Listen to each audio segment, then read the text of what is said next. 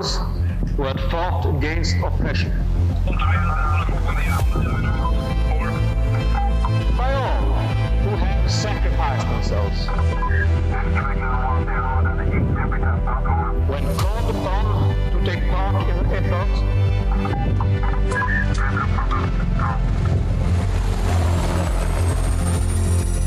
for freedom and peace. Det här är podden Tack för en insats med mig, Filip Knesvich. I Sverige så har vi inte kanske riktigt samma veterankultur som i USA. Både på gott och ont kan man ju tänka.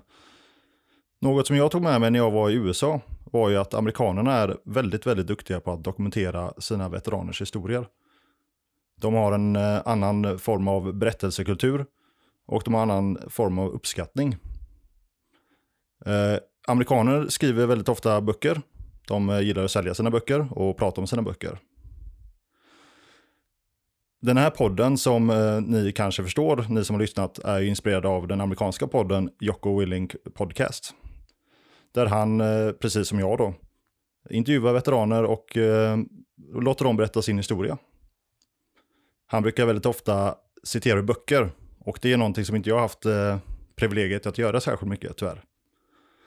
Men eh, idag så har jag äntligen fått eh, möjligheten att eh, göra detta. Genom att eh, kunna använda mig av en bok som är en renskrivning av en dagbok kan man säga. Och eh, det är då min gäst Rune Larsson som har skrivit den. Välkommen till podden Rune. Tack ska du ha. Du har ju eh, skrivit rent kan vi väl säga en dagbok från när du var iväg i Sina i öknen. Ja, jag har ju skrivit dagbok sedan jag var 17 år. Och eh, så när jag var i, precis som när jag gjorde militärtjänst, min vanliga, när jag gick på gymnasiet överallt, så kan jag ju dokumentera dag för dag. Va?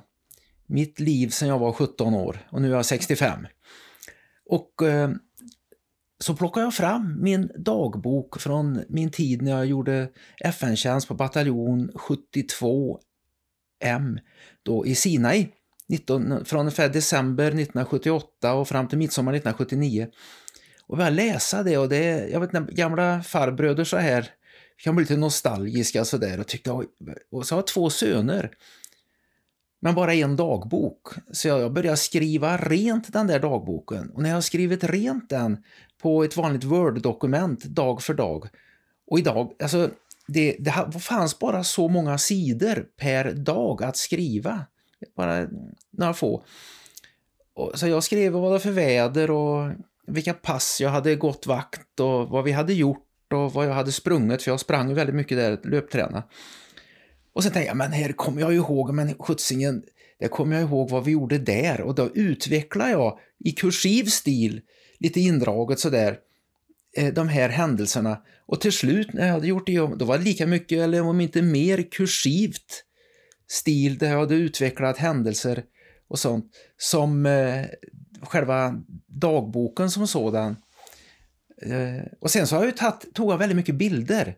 Jag hade en bra systemkamera jag tog med den finaste diafilmen Kodachrome 25. Det var ju den, the state of the art på den tiden.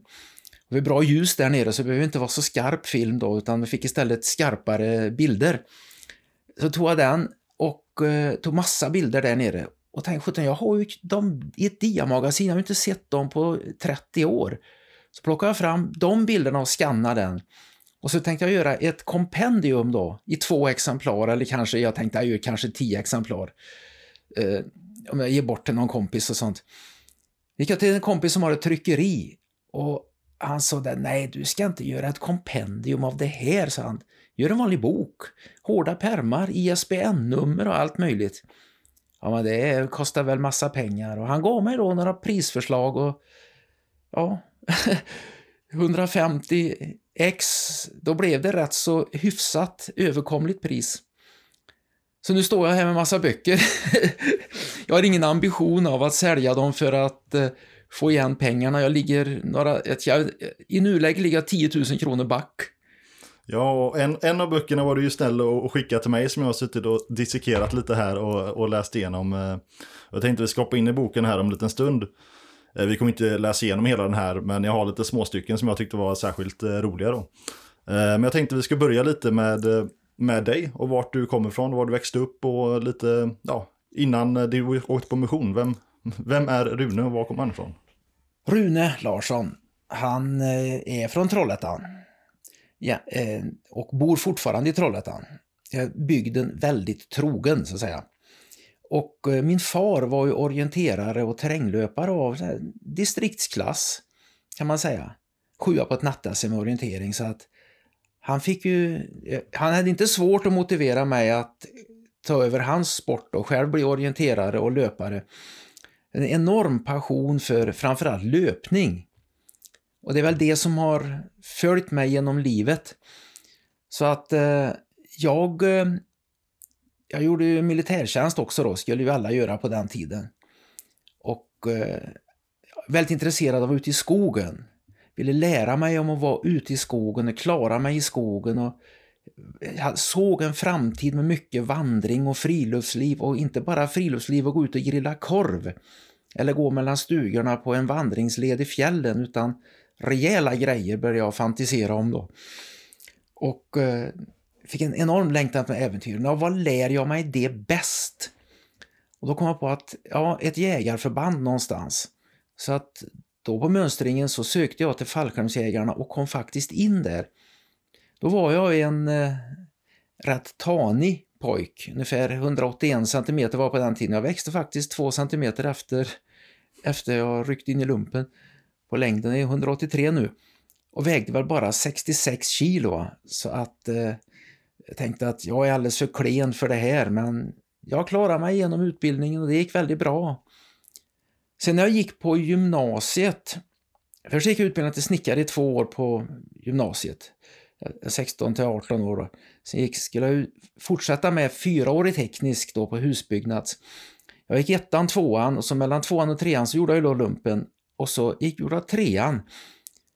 Och då vill jag naturligtvis fortsätta med husbyggnads eftersom jag hade min snickarbakgrund. Tänk att bli platschef på bygge, eh, såg så en framtid som. Men då skulle de inte ha någon eh, byggutbildning i Trollhättan det året. Vad gör jag då? Ja, då sökte jag FN-tjänst och kom ut då i FN-tjänst i Sinai en vinstlott i livet. Ja, definitivt. Men jag tänkte på, för, för, på den tiden så var ju lumpen en, en ganska given för de flesta som jag förstår det. För vi snackar 70, när gjorde du lumpen? 76, 77. 76, ja. Då var det ganska, så att säga, norm att man gjorde lumpen. Ja, alla gjorde det. Ja.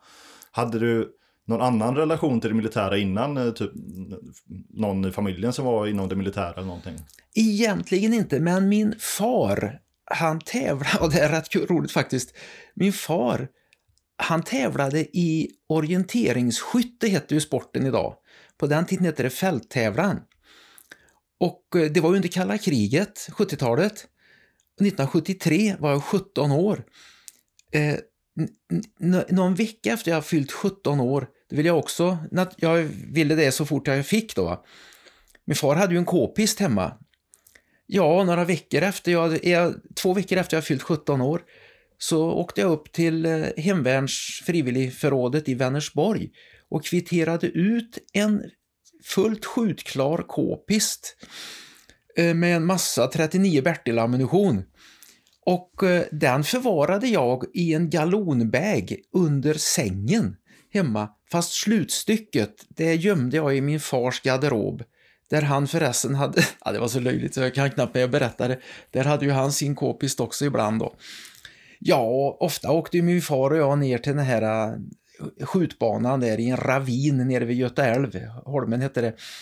Och där sköt vi ju, tränade på att skjuta och sen så tävlade vi ju i orienteringsskytte, fälttävlan på helgerna runt omkring och till och med skidskytte med k-pist körde vi också. Och eh, Eh, ja, sen eh, ville jag ut och träna själv då, det fick jag göra. Då satte jag min k-pist med ammunition och allt i den här bruna galonvägen på pakethållaren på min cykel, cykla genom stan. 18-19 år, 17, 18, 19 år så här, med en fullt skjutklar k-pist genom stan. Där ner och dukar upp, öva skytte, eh, duka, klistra tavlorna, duka undan och så åkte hem och gjorde vapenvård. Och min far, han gav mig väldigt klara instruktioner. Rikta det bara mot den du tänker skjuta ihjäl. Det hade jag ingen aning om. Eh, ingen, inget intresse av att skjuta ihjäl någon. Eller något överhuvudtaget. Tänk dig alltså en ensam eh, 18-åring i en ravin vid en skjutbana. Det hade varit fräckt att dra ett automat, en magasinautomat. Inte en tanke på att göra det. Inte en tanke på att sikta på en bofink. Ingenting sånt. Utan jag var enormt självdisciplinerad med vad det där vapnet var för någonting. Jag berättade inte ens för kompisar att jag hade ett, en k-pist hemma.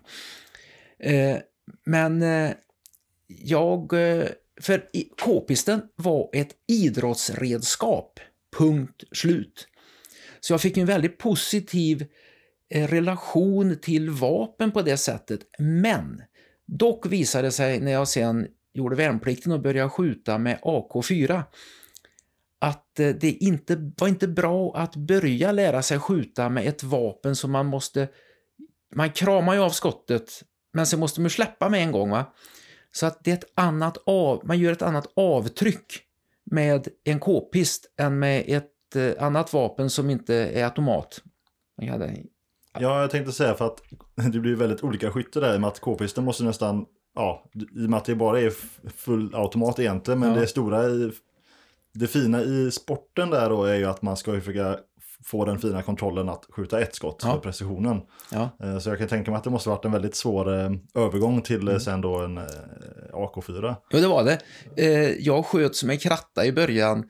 Eh, vi var ju tvungna att vara klassade som vad de kallar för Adam 01 då på mönstringen. Vi får ha perf- perfekt syn och hörsel och allt det där va. Och eh, de ville göra en utredning på om jag såg dåligt för jag sköt så dåligt. Faktiskt. Och det var ju det att jag, jag gjorde ju fel med avtrycket där. Eh, det satt i för, för länge. Men det, Ja, du skriver ju även lite här i din dagbok sen lite att ni är ibland och skjuter eh, ute i öknen här då. Och att det, ja, det gick dåligt som vanligt, någonting stod det i någon kommentar. Ja, jag, ja, jag, jag var ingen bra skytt kan jag tala om. Men då hörde till saken att jag fick ju göra fyra krigsförbandsövningar i fallskärmsjägarnas krigsorganisation. Och på mina krigsförbandsövningar med AK4, det gjorde jag två med AK4. Nej, ja, en med AK4 och tre med AK5. Eh, jag sköt jättebra måste jag skryta och säga där. För då hade det gått ett antal år och jag hade liksom eh, gjorde en nystart. Och sen på mitt sista, min sista krigsförbandsövning, när jag var 40 år gammal, då var jag prickskytt och eh, hanterade AG-90. Åh, jag älskar det vapnet. Och eh, PSG-90, älskar det vapnet också. Och eh, vi kunde ligga ute på skjutfält hela dagen och skjuta på sabmål som var 400 meter bort eller 600 meter bort. Och, eh, det var Så man kan lära en gammal hund att sitta. absolut. Ja, det är ju kul. Det är ju intressant det med, med den bakgrunden då, som du säger, med din, att din far höll på med eh, ja, fälttävlan där då. Att eh, det är ändå det är ju någon form av lite militär eh, klang till sig i, med orienteringen där tänker jag. Och Med k-pisten också. Jag fick därmed en positiv inställning till det militära. Och jag träffade ju militärer då, yrkesmilitärer, som jag uppfattade i mina tonår då, innan jag gjort någon militärtjänst själv, som schyssta, bra personer. Det kunde vara någon fanjunkare från I17 som eh, eller det kunde vara någon gammal major eller något sånt där. Och det var alltså, hade de betett sig illa och jag hade fått en dålig erfarenhet av dem, det hade jag kanske haft en helt annan vilja att göra mitt bästa i det militära, för då hade jag haft svårt att identifiera mig med den sortens människor. Föregångsmannaskapet, hur viktigt det är. Ja, det är viktigt det här med, med relationen till och, och framförallt då när man kanske är i startgroparna till, alltså innan värnplikt och så här, vilken inställning man kommer in med, just vad man har för relation. Eh, Men jag tänkte, vad, för du gjorde lumpen som jägare, Ja, fallskärmsjägare. ja. Ja. Hur, hur upplevde du tiden, eh, lumpatiden liksom? enormt värdefull för mig. Eh, det finns en Rune före och en Rune efter. Den Rune före, det var en person som eh, eh, ja, jag, jag fattar inte att jag klarade den här uttagningarna och sånt. Jag såg mig själv inte som en som skulle kunna matcha de här bästa soldaterna, de bästa råämnena som vi var. Det finns ju massor med bra råämnen till att bli fallskärmsjägare i Sverige men det är ju bara några utav de utmärkta råämnena som väljer att bli det och som de väljer att behålla där på fallskärmsjägarna.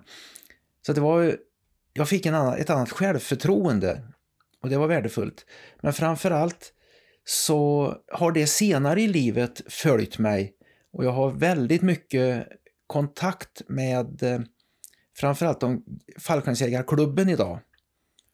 Och vi har våran FJS dag, då Falkensjöskolans dag, eh, i augusti varje år och jag är årskullsansvarig för min årskull fallskärmsjägare. Vi organiserade på så sätt, vi firade 45 år sedan inryckningen nu i augusti.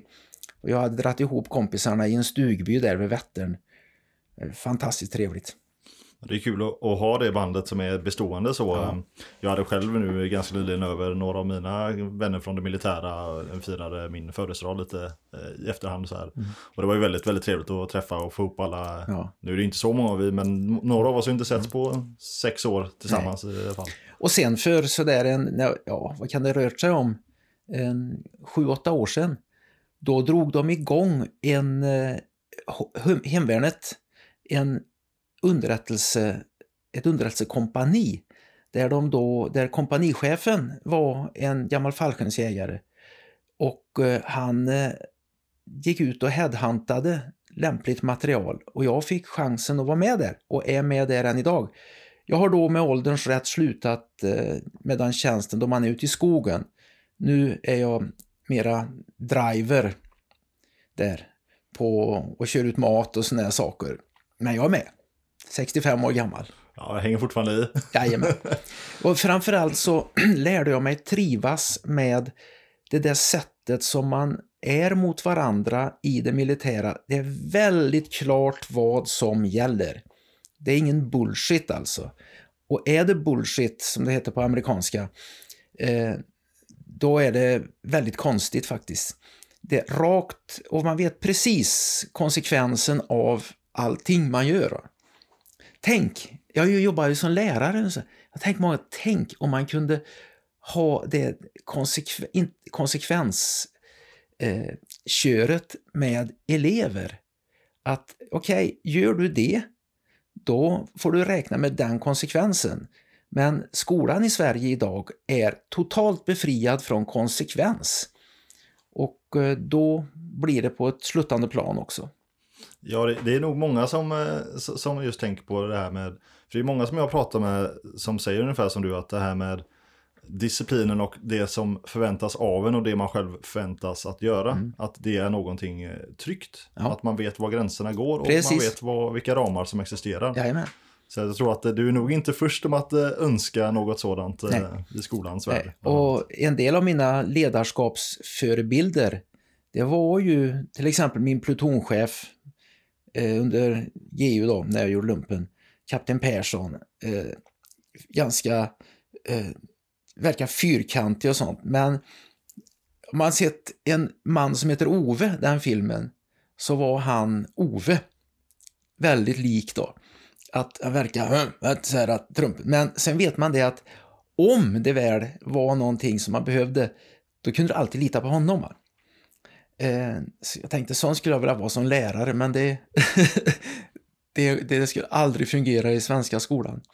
Nej, jag fick ju en positiv in, eh, erfarenhet av det militära, trivdes ju helt utmärkt och var ute och föreläste uppe på Artillericentrum i Kristinehamn eh, för, mm, ja, vad kan det vara, över 25, 26, 27 år sedan. Och då skulle han som var fyslärare där eh, han skulle vara pappaledig ett år och då frågade man om jag ville låna det jobbet i ett år. Så det gjorde jag. Jag tog tjänstledig från min idrottslärartjänst här i, nere i bygden då och så upp och eh, jobba på Artillericentrum, Artilleris officershögskola. Utbilda kadetter på hur de skulle sen utbilda i fysträning på sina eh, respektive placeringar. Mycket, mycket trevligt jobb. Ja, för jag tänkte säga, efter, efter eh, du var färdig med lumpen, vad, vad hade du för relation då till, till Försvarsmakten eller till Mycket positiv, tack vare att jag var omgiven av bra människor. Helt rakt av. Bra lumpakompisar, rejäla, bra befäl. Där du alltid visste vad som gällde, som jag sa förut. Eh, en del, hel del föregångsmannaskap också bland befälen. Vi hade något enstaka befäl som eh, inte höll måttet om jag förstår vad jag menar. Som inte kunde skilja på, eh, att, eh, på dum disciplin och eh, bra disciplin. Men eh, den, det var ett undantag. För eh, du, du kommer ju åka ner till, eh, till um, Sinaiöknen där sen. Hur kom det sig att du fick reda på att den här tjänsten fanns? Eller hur kom det sig att du sökte dig till att åka iväg? Alltså FN-soldater, det hade jag ju hört talas om sen jag var, jag hade nästan fortfarande gick omkring med blöjor va. För att man lyssnar ju på nyheter och radio och framförallt när soldaterna var i Kongo. Eh, det var ju väldigt mycket man hörde om eh, eh hur svenska soldaterna i Kongo var mycket på nyheterna. Och de, man förstod, eh, fast jag var barn, så förstod jag att de var utsatta för livsfara. Och de var i, ett, i en väldigt krävande miljö. Och en av, jag vet inte, barnen där nere, eh, om det var en tjej eller kille kommer jag inte ihåg, eh, i, mitt, i min perifer, ja, om, kamratkrets, hans eller hennes pappa skulle åka ner till Kongo och de pratade om Tjombe och de pratade om eh, de där va. Eh, Morsi Tjombe var ju en av de där presidenterna. Och, de, och jag tänkte att oj, oj, oj. Hoppas hon får se sin pappa igen alltså. Tyckte att det var ju... Att någon gör det. Eh, tyckte jag kände stort. Och sen eh, så hörde man ju talas om då svenska FN-soldaterna. Det var ju Gaza och sen på Cypern och då den här 1974 då när den stora stressen var där och hur de svenska FN-soldaterna eh, fick eh, nästan vara med och bryta upp kravaller och allt möjligt. Jag såg på tv någon gång när de övade kravallmarsch. Det tyckte jag... Det är säkert att det verkar nästan så främmande för svenska soldater att göra, men de lär ha gjort, de gjorde det. Eh, det fanns ju den här eh, positiva inställningen till det. Och eh, ja, sen när jag då fick reda på att det inte skulle bli någon årskurs 4, att jag skulle, inte skulle kunna få gå husbyggnadslinjen årskurs 4, och det var samma dag som en svensk FN-soldat blev minsprängd vid Litanifloden i, när den svenska bataljonen, var det 68M, eh, fick en larmstyrka, tror de tog 200 man därifrån, som de skickade upp till södra Libanon när det blev, när Israel invaderade södra Libanon för att få slut på de här räderna som eh, med terrororganisationerna gjorde. Och samma dag, jag hörde det på nyheterna, jag var hemma på lunchrast på... Jag fått reda på att jag inte skulle bli årskurs 4. Då hade jag fått åka till en annan stad, till Uddevalla eller Göteborg eller något, har ingen lust med. Får reda på det och eh, hör den här nyheten när jag är hemma på dagen och springer raka vägen ner till Arbetsförmedlingen faktiskt. För det var där man kunde söka blanketter. Sökte omedelbart, ringde FN-staben i Sverige och frågade är det någon idé att jag söker. Ja, ansökningstiden har gått ut, sa de, men du kommer hamna på reservplats. Min bror var då redan ute på bataljon 71C på Cypern. Eller hade han, han hade redan sökt den och blivit antagen till den. Och jag eh, tänkte att jag åker med brorsan till Cypern. Men jag kom inte till Cypern, jag kom till Sina istället. Och det var också en vinstlott i livet. Ja, eh, hur, hur, hur togs det på hemmaplan eh, att båda, båda bröderna åkte iväg? eh? Mina föräldrar var stolta över oss. Min far han var ju en vanlig infanterist, utbildad på I-15. Han låg uppe i norska gränsen på beredskapen under andra världskriget. I Värmlands skogar där. Eh, min mor hon hade ingen relation till det militära överhuvudtaget. Men vi kunde inte undgå, min bror och jag, att märka att det fanns ändå en stolthet i att vi var den sortens killar som gav oss ut. Va? Eh, Det var aldrig det att åh nej, nej, åk inte ut, nej usch, nej, stanna hemma istället. Det blev inget sånt snack vi behövde kämpa mot. Så ni hade ett, ett gott stöd, eh, om man säger så, hemifrån? Mycket gott. Ja. Jag tänkte jag ska läsa lite, du har skrivit en bra sammanfattning här egentligen om situationen i, i missionsområdet som, som du kommer åka ner till. Eh, och det står ju så här då. Vad hade vi där att göra? Geopolitiskt har Sinaiöknen ofta varit lika brännhet som sin sand en sommardag. Där ligger Asiens västligaste utlöpare och möter Afrika vid Suezkanalen. Området, har- området har sett strider åtminstone sedan bronsåldern. När Egypten nationaliserade Suezkanalen 1956 anföll Frankrike, Storbritannien och Israel för att ta tillbaka vad de ansåg hade stulits från dem. Det krig som följde, Suezkrisen, resulterade i, en, i att FN-trupp sattes in och United Nations Emergency Force, UNEF, bildades. Sverige bidrog med en bataljon. UNEF var aldrig välkomna av Israel och tre veckor innan sexdagarskriget bröt ut i juni 1967 förklarade även Egypten att världssamfundets soldater måste lämna landet omgående. Vilket under stress och tumult skedde. Därmed avvecklades UNEF. Kriget som följde utkämpades till stor del i Sinai och vanns av Israel som ockuperade halvön fram till kanalen. Den 6 oktober 1973 firade judarna försoningsdagen Jom Kippur då passade en koalition ledd av Egypten och Syrien på att anfalla Israel, som togs med garden nere. Efter tre veckor och mycket hårda strider hade Israel lyckats besegra sina angripare och var efter, var efter att ha korsat kanalen på väg mot Kairo respektive Damaskus. Tack vare press från Sovjetunionen och USA lugnade situationen ner sig. För att upprätta en buffertzon mellan kombatanterna och övervaka vapenstilleståndet upprättades UNEF 2. En svensk styrka som tjänstgjorde på Cypern skickades till Sinai, och blev efter förstärkningar hemifrån bataljon 52M. Den svenska bataljonen kom sedan att avlösas var, eh, varandra, kommer sedan att avlösa varandra eh, varje halvår. När jag kom till Sinai sex år efter oktoberkriget Det var egentligen fem år, jag skrev faktiskt fel där. Ja, då kan vi ändra det. När du Ja. kom till Sinai fem år efter oktoberkriget hade läget stabiliserat sig och vår uppgift var att tillsammans med soldater från Ghana, Indonesien och Finland upprätta en buffertzon som höll soldaterna från Israel och Egypten på behörigt avstånd från varandra. Vi skulle även tillsammans med United Nations Military Observer Group, UNMO, och United Nations Truce eh, Supervision Organization, UNTSO, hålla koll på båda sidorna i konflikten uppfyllde sina respektive delar av stilleståndsavtalet vad gällde mängden trupp och materiel i respektive Limited Force Area, LFA. Så detta är ju lite, Mm. detta är lite det du åker ner till egentligen då, den situationen och den bakgrunden som konflikten har.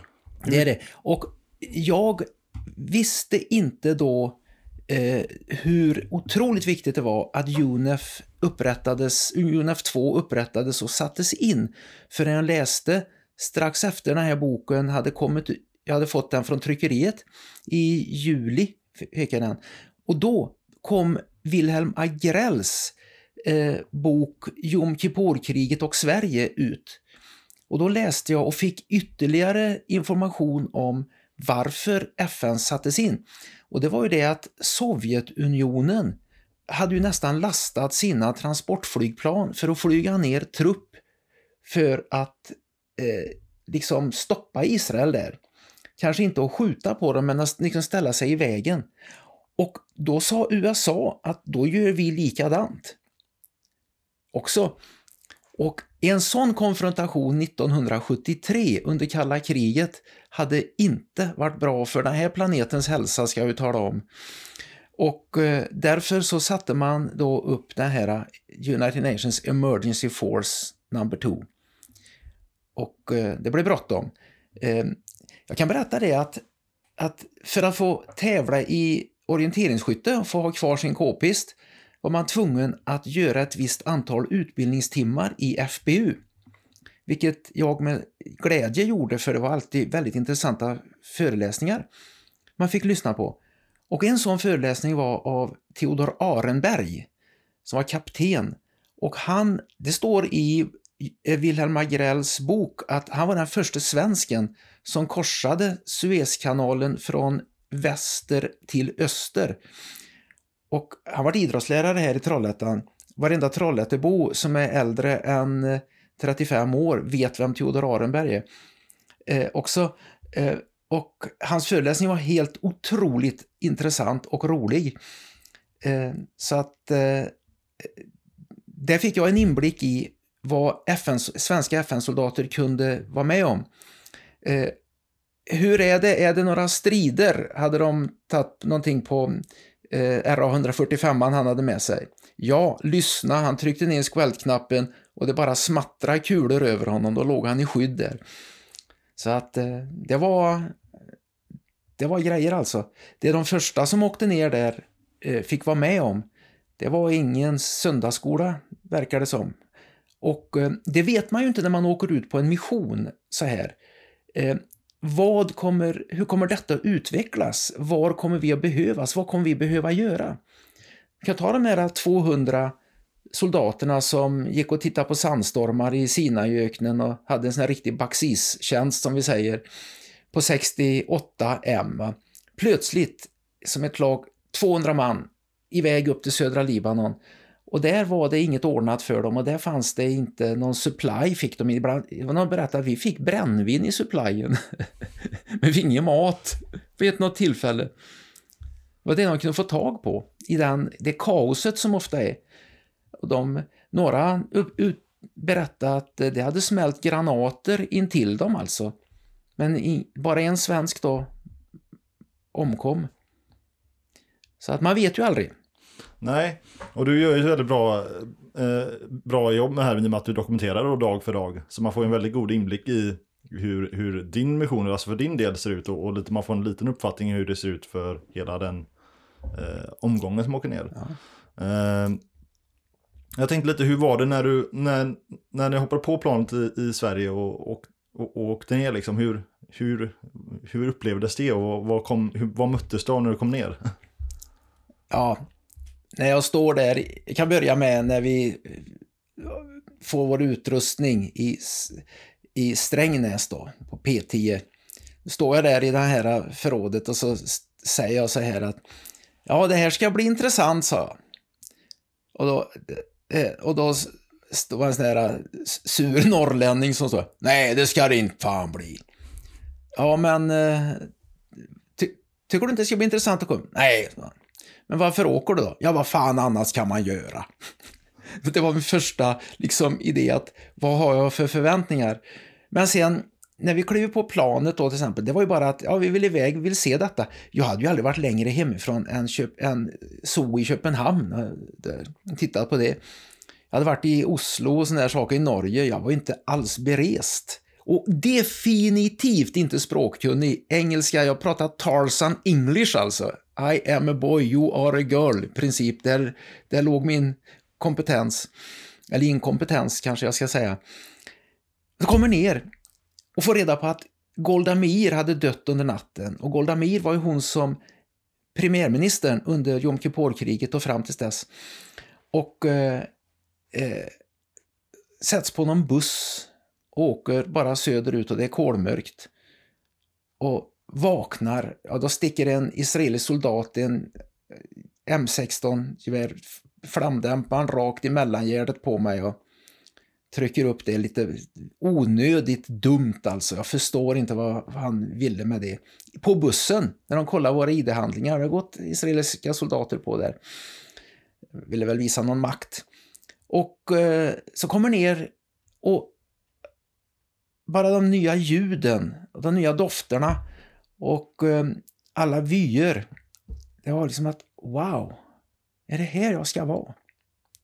Komma från svensk vinter och så rakt ner dit. Eh, oförglömligt, ska jag säga. Ja, och ni kom ju ner till kampen. Hur lång tid tog det innan ni kom på plats, så att säga? Alltså innan ni blev, ja, kom, kom ut på det och gjorde det ni var tänkt att göra? Direkt in i ett tält på huvudkampen Balusa. Där eh, då en mycket trött och eh, grupp, skyttegrupp eh, var på väg att rotera hem då. Och det var väldigt tryckt stämning och ja, de var, verkar väldigt trötta. Och jag fick eh, sova ut och sen var det bara att gå på post efter det. Direkt. Har ni fått reda på att det skulle vara mycket posttjänstgöring då för er? Ja, det var ju helt inställda på. Eh, någon hade sagt att posttjänstgöringen är mördande tråkig. Det var den vid någon, e-, något enstaka postpass var mördande tråkigt. Och det var framförallt då när man var på huvudkampen. Under de, eh, jag tror det var tre veckor vi var på huvudkampen, eller fyra veckor, som vaktstyrka. Det var inte så där himla roligt. Men sen när vi kom ut på positionerna alltså, det var ju det var ju ingen match att stå på post eller sitta i ett posttorn och spana ut över öknen. Det gick timmarna fort. Ja, du skriver lite här om eh, de olika eh, posterna som ni är på och hur ni roterar runt. Och, och det som slår mig är ju lite så här att det, det är väldigt spartanskt låter det som. Och det är ju lite sådär eh, mycket hemmasnickeri som är på gång. Var det så eller har jag miss, misstolkat det? Nej, vi kom, alltså begreppet Baxisbataljon, alla som FN-soldater vet ju vad en Baxisbataljon är. Det är ju, Baxis det var ju liksom arabernas uttryck för när man får något gratis, när det är något, eh, ja, man får något ändå va. Den säger Baxis när de tigger. Det var ju mycket Baxis-bataljon över det hela för att andra tidigare bataljoner hade ju byggt upp den otroligt spartanska men dock infrastruktur som fanns. Va? Vi hade ju ett elverk på plats. Vi hade ju ett plåtskjul med dusch och såna här saker. Va? Det fanns ett tält där det var, vi kunde sitta och käka och så en prefabbarack på de flesta ställen. På något ställe var det då såna amerikanska militärtält. Och eh, det var ju det var ju all den komfort vi behövde. Vi mådde ju jättebra av det där. Faktiskt. Du, eh, du är duktig på att dokumentera lite olika både karaktärer och, och, små händelser i din dagbok här. Jag tänkte att jag, jag vill hoppa in på en, eh, för detta är ganska tidigt eh, som jag förstår det när du är här. Det är då när, ni, när du skriver om det ni kallar bröderna bajs. Ja. Jag tycker det är en ganska rolig grej, så jag ska läsa lite ja. utdrag här. Måndag den 11 december. Oväder. Inspektion av general, general på förmiddagen. När jag blev ledig sprang jag från Balusa till egyptiska gränsen vid checkpoint 553 och hälsade på oss grabbarna där. Vände tillbaka samma väg. 20 km sprang, sprang, tung, sprang tunnklädd. Eh, mötte ett oväder med kyla och blåst på tillbakavägen. Frös. Inte riktigt vad jag hade väntat mig av träningspasset i öknen. Skrev första brevet. Soptömningsrunda med bröderna Bajs. Och så skriver du då kursivstil, då är det alltså det du har eh, kommit på efterhand där. Ja, precis, det har utvecklat det som står. Då står det så här. Bröderna Bajs var ett gäng beduiner som med den äran tog hand om kampens sopor. Det tog även annat som var löst, så gänget skulle alltid åtföljas av en man från vaktstyrkan. Deras bil var en pickup från 1948. Att hänga med på utsidan av det klibbiga fordonet var ett av mina favorituppdrag. Jag beundrade hur okänsliga grabbarna var för att ta tag i smuts om det behövdes för att lösa uppgiften. Vid ett tillfälle så såg jag hur en av dem tog för sig med händerna och spagettin som tippats på cementgolvet i soprummet. Bröderna Bajs hade en soptipp en kilometer väster om Belusa. Där återvann de, allt. Sopor var hårdvaluta. Brännbart behövdes till matlagning och värme. Metall gick att återanvända, speciellt svenskarnas snuslock, eller snusdoslock, som var gjorda av mässing och blev till smycken. Soptippen växte aldrig. På den tiden följde materialanvändningen ett linjärt förlopp i Sverige. Efter användning slutade råvarorna på soptuben. Bröderna Bajs var utan att veta om det föregångare för miljöområdet med deras återvinning. Ja, eh, det, det låter kanske nedvärderande att kalla dem för bröderna Bajs så här i efterhand. Men det gick då på den tiden på tv ett, eh, ja, det skulle varit ett barnprogram men det var väldigt många vuxna som tittade på det med stor behållning. Det hette I fablernas värld. Där det då var tecknade, ja, eller animerade djur då som eh, hade olika, och det var det bröderna Bäver, de var göteborgare och de var mekaniker. Och då kom alltså mekanikerna på eh, kampen att kallas för bröderna Bäver. Och det, den, det namnet, den befattningen så att säga, att, att jobba som bröderna Bäver, den ärvdes har jag förstått från bataljon till bataljon eh, efter den här Fablernas värld hade börjat visas. Och eh, det var ju kanske bröderna Bärs, det var ju de killarna som hade hand om Markan då, eller, eller förlåt mig, eh, eh, Mässen. Det var. Så att, eh, men bröderna Bajs, de var faktiskt på något konstigt sätt beundrade. Det var inga vi såg ner på, om jag kan tala om för er. Ja, det låter ju som att, eh, att de ändå var ett uppskattat, eh, ja att de kom, de, ja, de löste ju soptjänsten och de Amen. löste det något otroligt eh, eh ja, detaljerat. Ja, soptippen låg en kilometer väster om Balusa då, huvudkampen. Och jag sprang ju förbi där titt som tätt. Och den soptippen den växte inte. Eller det var en omlastningsstation eh, där de eh, där de då det var ingen tipp utan de bara omsorterade och ut i, till andra användningsområden. Helt fantastiskt. I, I den här eh, dagboks, eh, i dagboken så skriver du ju om hur mycket du springer varje dag. Ja. du springer ju, för en annan som inte är kanske lika eh, duktig på att springa så springer du ganska mycket. Du springer liksom en, en 12 km det här, en 30 eh, km det här och sådär. Um, och det är ju ganska intressant att läsa, du skriver ju ofta vart du springer, lite vilken runda du tar och sådär. Det jag slog så var ju att det verkar som att ni hade väldigt stor rörelsefrihet. Alltså när ni inte hade tjänst då, alltså mm. att ni, ni kunde med säkerhet röra er utanför era posteringar och så vidare. Ja, det, vi upplevde aldrig något hot från eh, någon egentligen. Aldrig något hot från beduinerna. Vi visste att beduinerna hade gott om vapen. För naturligtvis hade de det, för de hade väl plockat på sig det som blev liggande i öknen. De lät ju inte någonting ligga där. Vi visste att om de ville skulle de kunna vara livsfarliga. Och nu är ju Sinais, beduinerna i norra Sinai där, de är livsfarliga nu. De är så förbannade på Egypten har jag hört. De känner sig så eh, bortglömda. Det är som ett glesbygdsproblem. Men då var de väldigt, väldigt snälla och framförallt mot mig. Eh, jag sprang ju och jag, jag har väl någon slags nationalistisk ådra i mig och då är inte nationalism som får inte missuppfattas utan min nationalistiska ådra är att jag respekterar andra folks rätt att leva i sina länder. Jag respekterar deras kultur och jag vill inte ändra på deras sätt att leva. Jag vill inte ändra på deras kultur. Så jag var väldigt intresserad av beduinerna och jag fick en hel del beduinvänner då. Och eh, eh hälsa artigt på beduinerna där. Och eh, ja, de såg väl det att det är någon som in, den här personen verkar gilla oss. Det spred sig bland beduinerna vem Mr Larsson var. Så att det verkar som varenda beduin i norra Sinai visste vem Mr Larsson var. Hallå Mr Larsson, hallå Mr Larsson, kunde de ropa när jag var ute och sprang. Där. Och det var, det var väldigt trevligt alltså.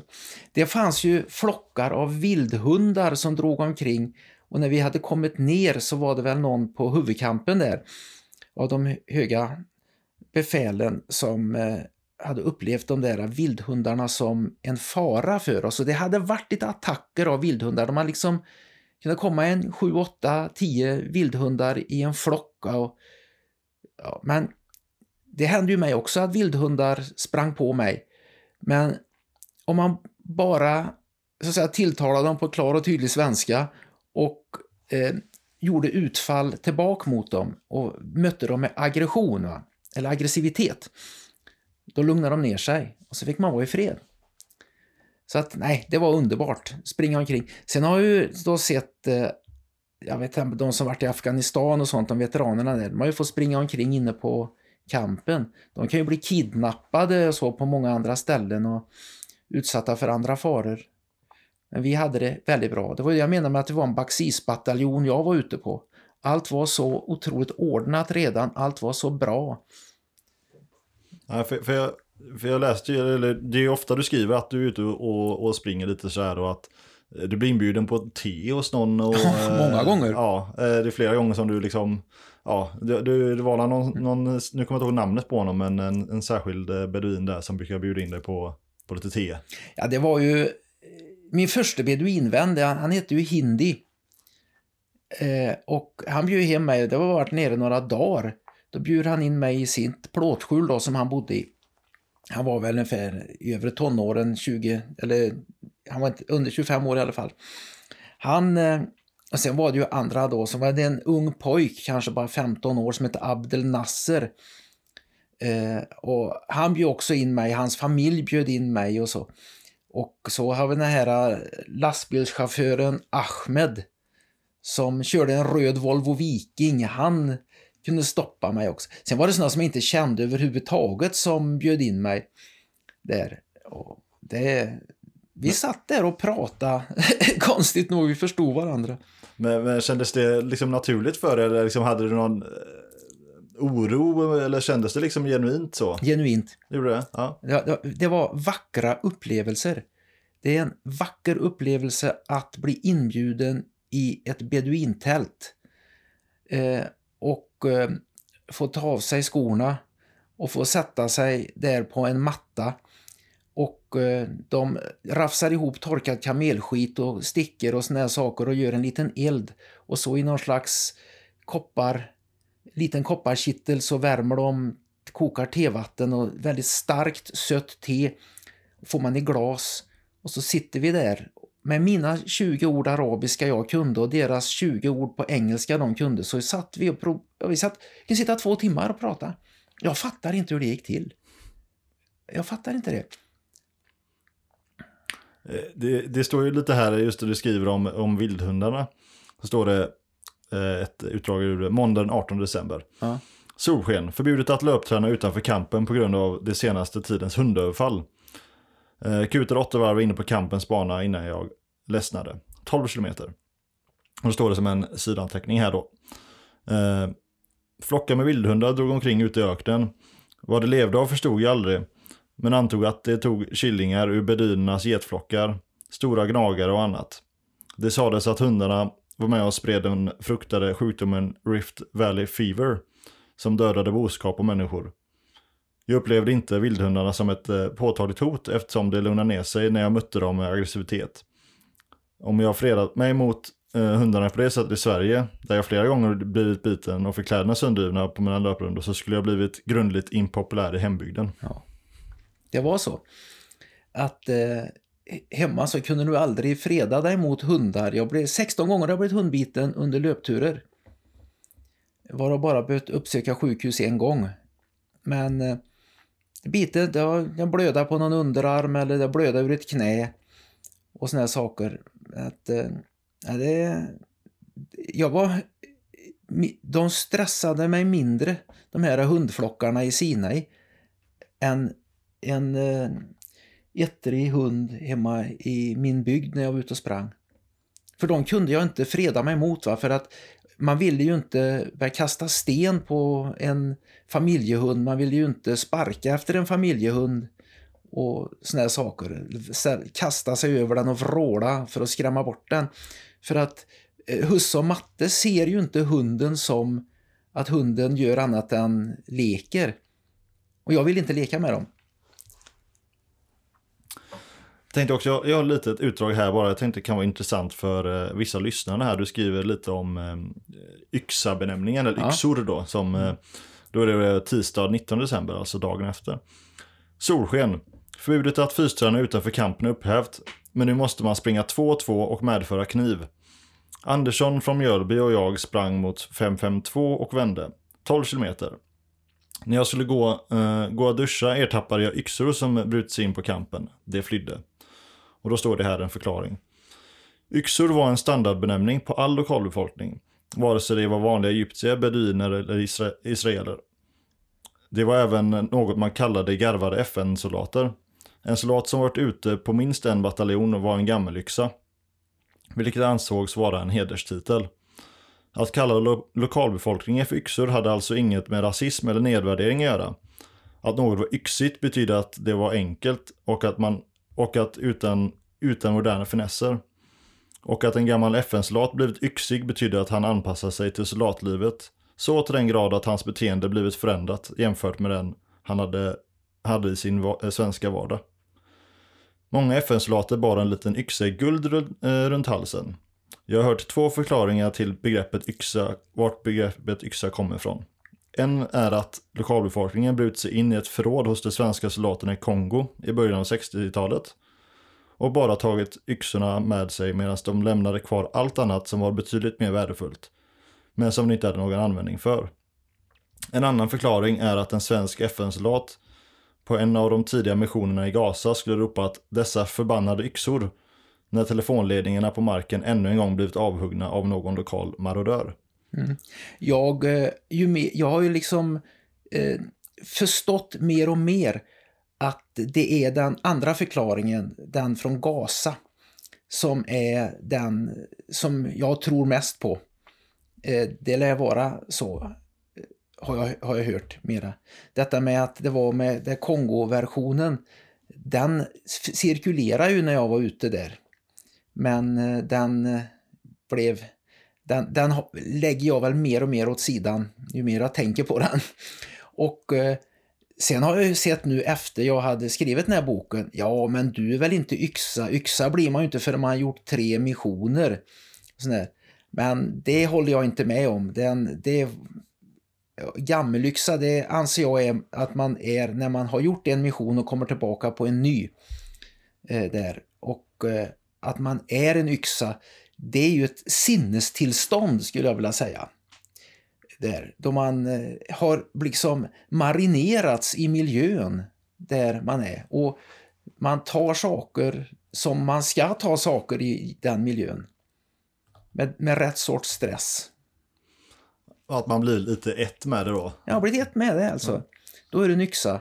Det, det fanns de som blev yxor ganska tidigt enligt min definition så gott som alla blev väl yxor innan de åkte hem och det är därför jag döpt min bok till Från Pinky till yxa. För Pinky, det var man ju när man kom ner till FN-tjänsten och det var, ju väl, det var väl det då att man inte hade hunnit bli solbränd. Va? Och eh, yxa det var man när man åkte hem. För jag tänkte lite med eh, när du eh är den är, du springer ju väldigt mycket sagt. Du kör ja. ju många löprundor. Ja. Eh, det är ju fortfarande ett ganska varmt klimat i min uppfattning. Ja. Hur, hur, hur anpassade du dig till det? För jag tänker det måste ju varit en påfrestning och hur fick du motivationen till det? Motivationen var inga problem. Jag Ja, på något konstigt sätt så var det ett gilla läget. är det 35 grader varmt, det är inga problem att springa. Man, eh, jag sprang ju då, det var 40, gått över 40 grader när jag gav mig ut. mig. Och när jag kom tillbaka var det 43 grader.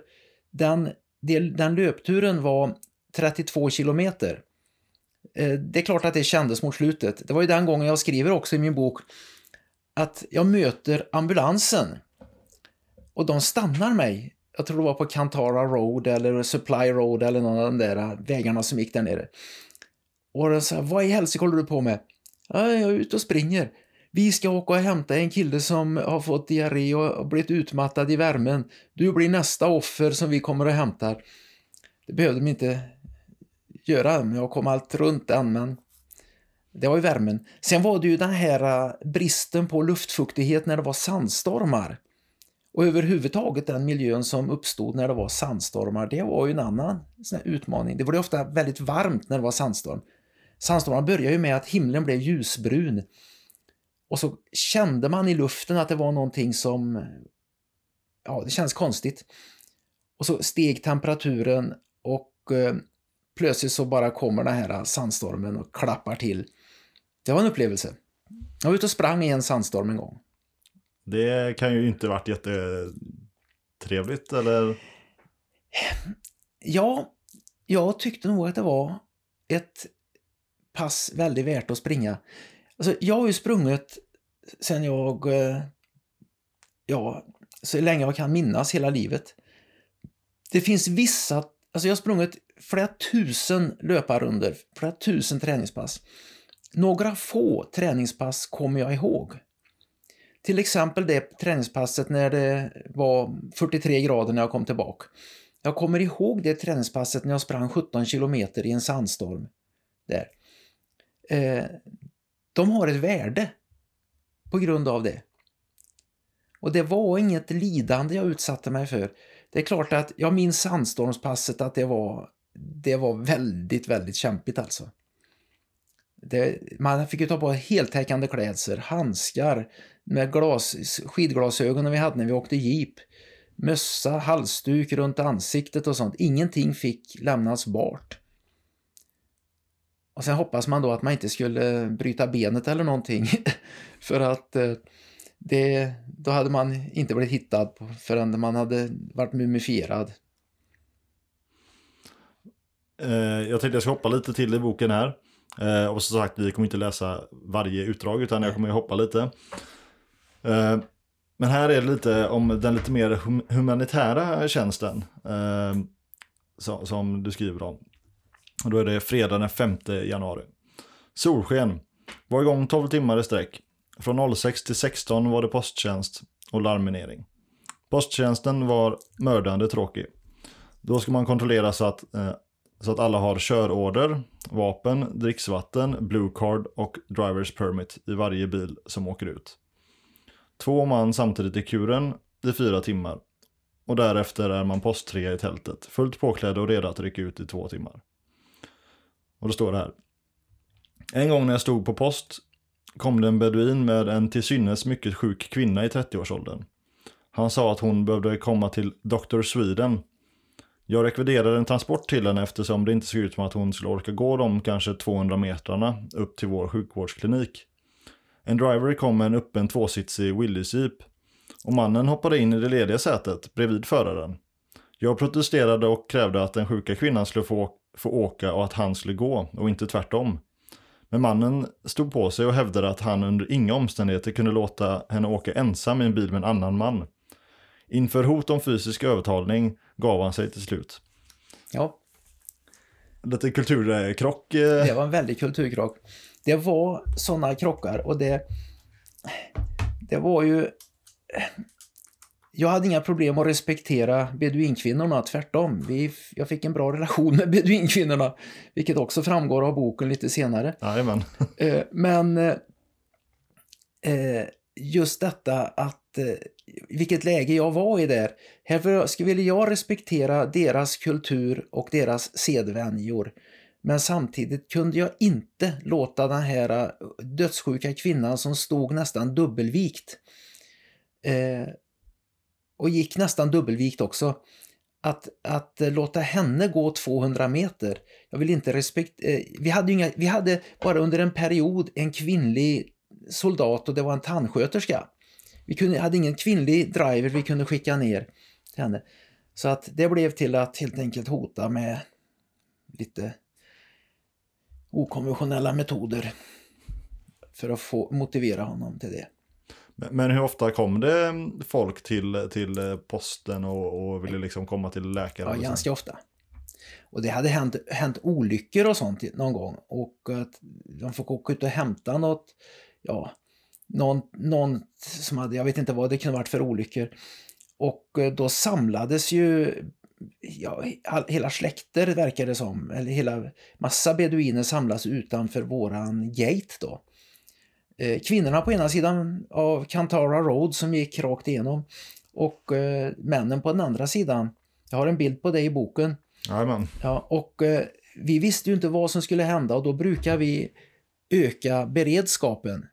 Vi gjorde så att eh, ja, nu är det kängorna på, nu är det ja, till och med bajonett på kunde det vara. Och inte tänkte vi ränna svarkande stål i beduinerna men en bajonett det är liksom ett argument för att eh, stanna här. va. Eller stanna henna som det heter på arabiska. Väldigt lika på svenska. Ja, för jag tänkte säga, hur, hur kommunicerade ni med, med folket som kom liksom? Alltså du sa ju själv att du inte var ett språkgeni och jag, jag, kan tänka mig att många beduiner inte hade en jättestor språkbank heller. Jag lärde mig av en annan veteran. Min, på min pluton i, när jag gjorde, FN, äh, gjorde min värnplikt på fallskärmsjägarna så fanns kapten Harry Lantz som hade varit eh, FN-soldat i ett helt år nere i Kongo. Han lärde oss om fångtjänst, hur man hanterar fångar. Och då säger han så här att man ska kommendera folk på klar och tydlig svenska. De förstår inte vad du säger, men de förstår vad du menar. Och det tycker jag sammanfattar allt möjligt. Så att pekar man med hela handen och pratar på klar och tydlig svenska så verkar det som att folk förstår. Han hade nog rätt där, kapten Lantz. Det har lärt mig mycket av, av det. Ja, en auktoritär ton då alltså. Lite man, man pratar klart och tydligt i en auktoritär ton. För han hade ju jobbat med, med Baluba nere i, eh, i Kongo då. Så att eh, det är bara att ta av sig kepsen och eh, er, erkänna att där hade jag en mästare att lära mig av. Yes, jag tänkte vi ska gå in lite på eh, du skriver, det är inte många gånger du skriver om det. Eh, men du skriver just att det här med den dåliga maten var ju ett återkommande, eh, ja, en återkommande grej för ja. er. Eh, jag tänkte jag ska läsa en liten grej, ska vi mm. prata om det sen. Då är det tisdag den 16 januari. Sol, 20 grader, vakt mellan 06 och 12. Sprang till vägbrottet tur och retur. De sista tre kilometrarna öste jag på ordentligt. Tvättade mina kläder trots vattenbristen. Fick brev från Börje. Det dåliga kött vi fått med supplyen kunde inte ens vår skickliga kock Johansson få fason på. Oätligt, otuggbart, otrevligt, osmakligt, ohyggligt. Och du skriver ju sen då på en eh, kommentar här. Eh, det jag i dagboken denna dag blev den enda notering om, om hur dålig maten vi fick ute på posteringarna var. Anledningen till att jag inte gjorde fler noteringar om maten var att det feta, sega fårköttet och de eh, utbrända värphönsen kallade, eh, kallade Sinai-kråkor som kock-Johan hade att tillaga blev en del av vardagen och inte behövde nämnas. Det sades att, att UNF2 hade dragit över på matkontot med några tiotusentals portioner och att vi nu skulle svälta igen den synden. Vidare sades det att man köpte råvaror från Argentina. Vi misstänkte att lasten bytte ägare på vägen från prima pampaskött till slaktavfallet från de får och höns som dominerade kost, kosthållet tillsammans med spaghetti och ketchup. Inne på Camp Sinai var maten bättre och betydligt mer varierad. I matsalen på Balusa eh, var det ytterligare ett steg bättre. Maten kom först till huvudkampen där man efter att ha försett sig, med, eh, försett sig skickade varorna vidare till kompanikamperna där det tog vad det behövde och sedan hamnade det som det kvar hos oss ute på positionerna. Jag vet, eh, jag vet att jag med det antagandet anklagar viss personal tidigare i supplykedjan för det eh, torftiga maten på positionerna. Men jag ser inte en annan möjlig förklaring till varför det var sådan skillnad mot det som serverades på kamperna. Ja, det var ju inne på eh, kamp Sinai som var första kompaniets kamp där jag då tillhörde första kompaniet. Det var ju alla kockar utom en var ju yrkeskockar. Och en av dem eh, jobbar ju på stallmästargården till exempel som kock och det är ju en sån här riktigt fin eh, eh, guldkrog va. Så att de kunde säkert eh, trolla med även dåliga råvaror men det var inget snack om saken. Det var även råvarorna var bättre och mer tilltagna inne på kamperna. Det var ju ofta som maten inte räckte ute på kompanikampen. Ute, ute på positionerna. Förlåt mig, kompanikampen vet jag inte hur det var men ute på positionerna räckte inte maten alltså. Så att att, att brödet tog slut och mjölken tog slut och såna saker. Så att då blev ju då till att eh, jag, jag behövde ju energi, jag sprang ju så mycket. Så att jag var inte mycket av, till godisätare på den tiden. Så att, men det blev att man, hade man chans att åka in till markan fick man ju supplya som han sa då. Och köpa på sig lite grann så att man hade lite energi i alla fall.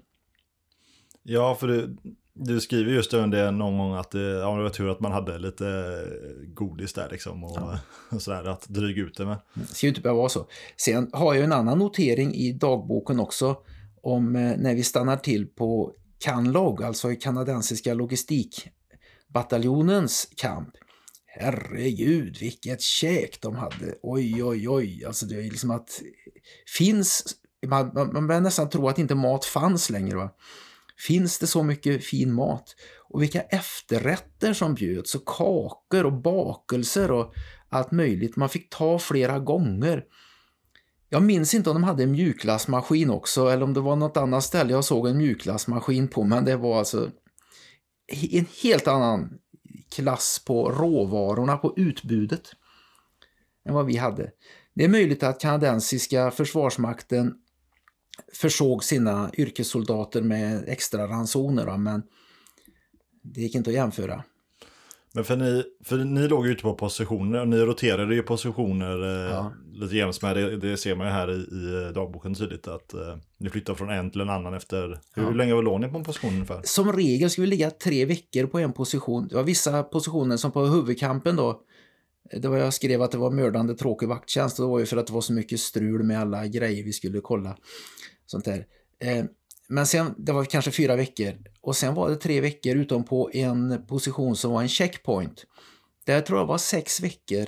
Där låg vi två eh, grupper då, för att det var, dels hade vi checkpoint och så hade vi vanlig bevakning. Det gick åt mer folk till det. Och eh, sen var det väl tre veckor på varje ställe. Men för ni låg, hur många man låg ni ute på positionerna vid full bemanning var min grupp 12 man.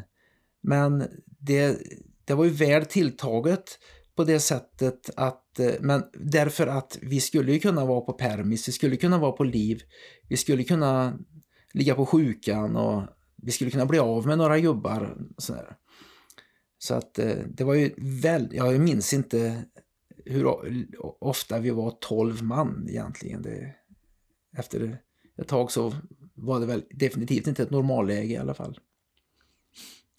Jag tänkte lite på det här med, eh, för det återkommer lite i boken eh, att du skriver om hur, hur naturskönt det är och, framförallt mm. sen eh, vet jag i slutet här när du är på permission med din bror och så. Men jag tänkte innan dess, innan vi kommer dit så ska jag läsa lite som jag tyckte var ett intressant stycke. Mm. Och då är det tisdagen 23 januari. Eh, halvklart blåsigt 18 grader. Det regnade ganska ordentligt i natt. Sprang två vändor till vägavbrottet, 26 km. Det är inte särskilt roligt väder att springa. Det, eh, det är rak, den är rak, förlåt jag skrev, du skrev ju faktiskt att det inte är särskilt rolig väg att springa. Den är rak och enformig. När det blåser känns det rejält för det är stora vattenytor på båda sidorna av vägen. Då har ni alltså kommit ut på en postering där vägen sen har eh, regnat, eller blåst och regnat bort ja. Eh, till er. Så ni är ja. lite avskurna här. Mm, på den norra sidan av den här sandreveln var ju Medelhavet och på den södra sidan var ett stort grunt saltträsk. Eh, kanske någon meter djup bara, eller två eller något sånt där. Så att det, det hade ju en, den natt Eh, Eh, natten efter vi hade blivit uttransporterade, roterat ut i den positionen, så kom en sån här riktig storm så att vågorna gnagde av den här sandreven. Så det var ett vägavbrott. Ja, och du skriver här, när jag sprang där på sandreven mellan, mellan det blå medelhavet och den stora grunda saltsjön som vi skämtsamt kallade Röda havet eftersom en slags alger fick den att skimra med en rökig kulör slogs jag av tanken att det kanske var här som Moses gick när han ledde sitt folk ur Egypten. Kan en saltsjö liknande, liknande denna ha varit Röda havet? Kan vågorna från ett oväder ha gnagt av sandreven det gick på just efter att det passerat? Liksom för oss, när vi med snäv marginal kom ut till position 550.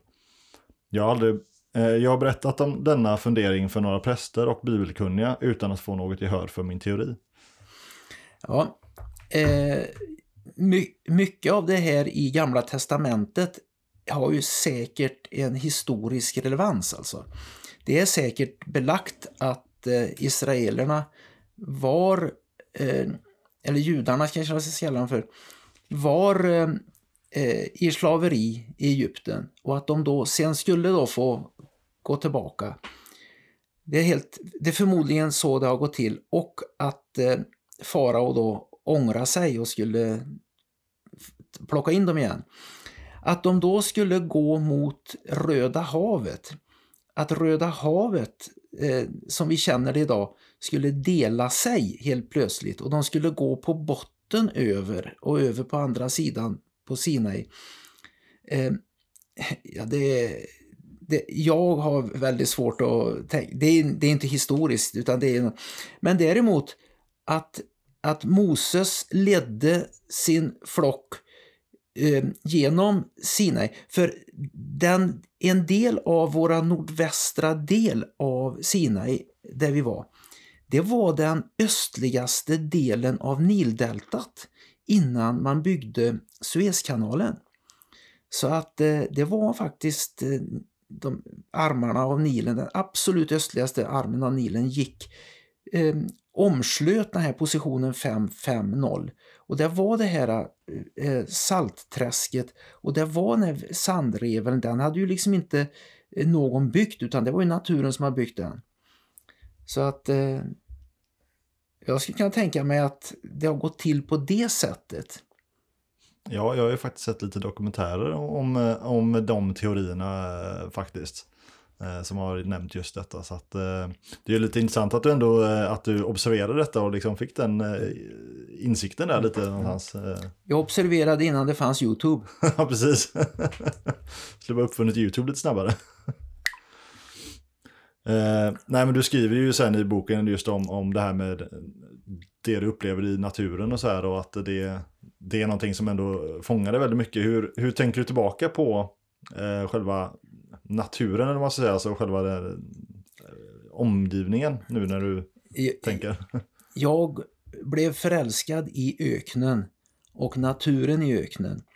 Jag gick ner med förväntningen att naturen skulle vara dötråkig och ogästvänlig och upptäcker att det var helt annorlunda. Det var mm, som på vissa ställen som i fjällen på vintern. Bara det att eh, istället för snö så var det ljus sand. Och även där vi runt Saltträsket och även i den platta delen av öknen där då Nildeltat hade varit då. Man kunde se klart att det hade varit någonting sånt där. Även där var det vackert med den här busksteppen som var. Eh, lite lerigt var det nästan i jorden där istället för vanlig ökensand. Tyckte det var väldigt vackert.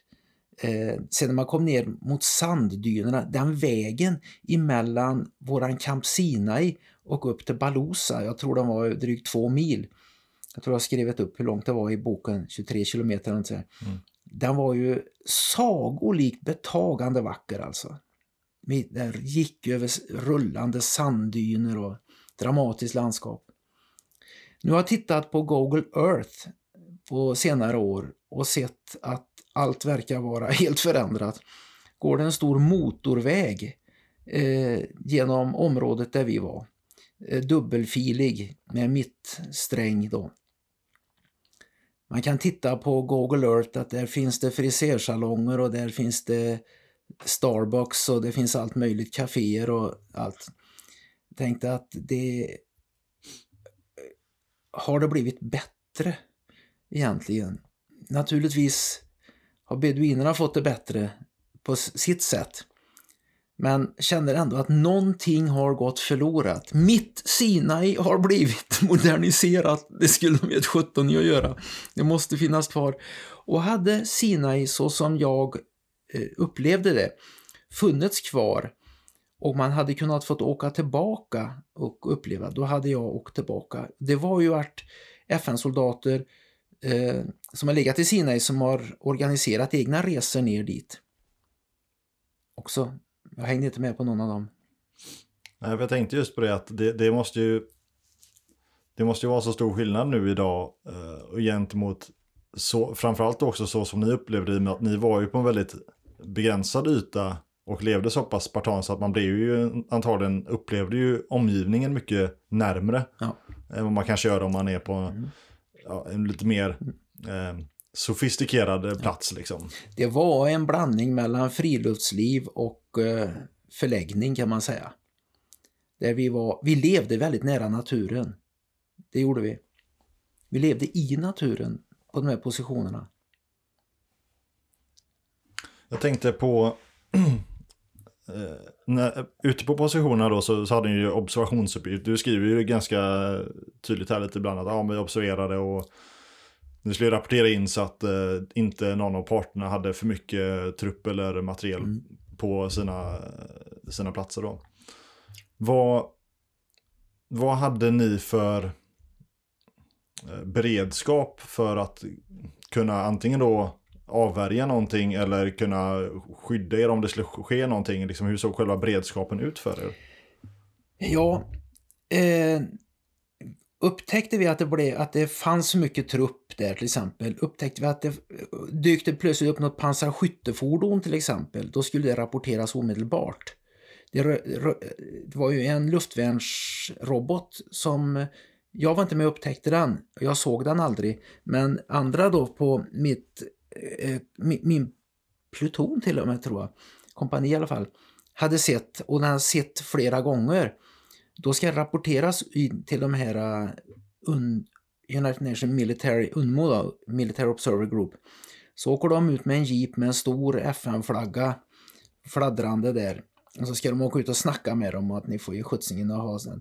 Men skulle det vara så att det blir en uppbyggnad av trupp där då, då blir det ju ett larm och då får vi ju kraftsamla mot det. Då är, då är det ju kängor på, och bajonett på och magasinen laddade. Va? Det behövde vi aldrig göra. Vi hade däremot förstärkningsvapen, KSB 58 och eh, ett GRG på varje position. Och eh, men det... Vi tänkte inte på att vi någonsin skulle behöva använda det för att det var väldigt fredligt när jag var där och vi hade bra relation med de egyptiska soldaterna. Jag låg ju bara mot egyptiska sidan. Det var väldigt, ja, väldigt bra relation med egyptiska soldaterna och framförallt på en position då, 555 som det hette. Där de ofta kom och tiggde mat och vatten och fotogen och sånt av oss.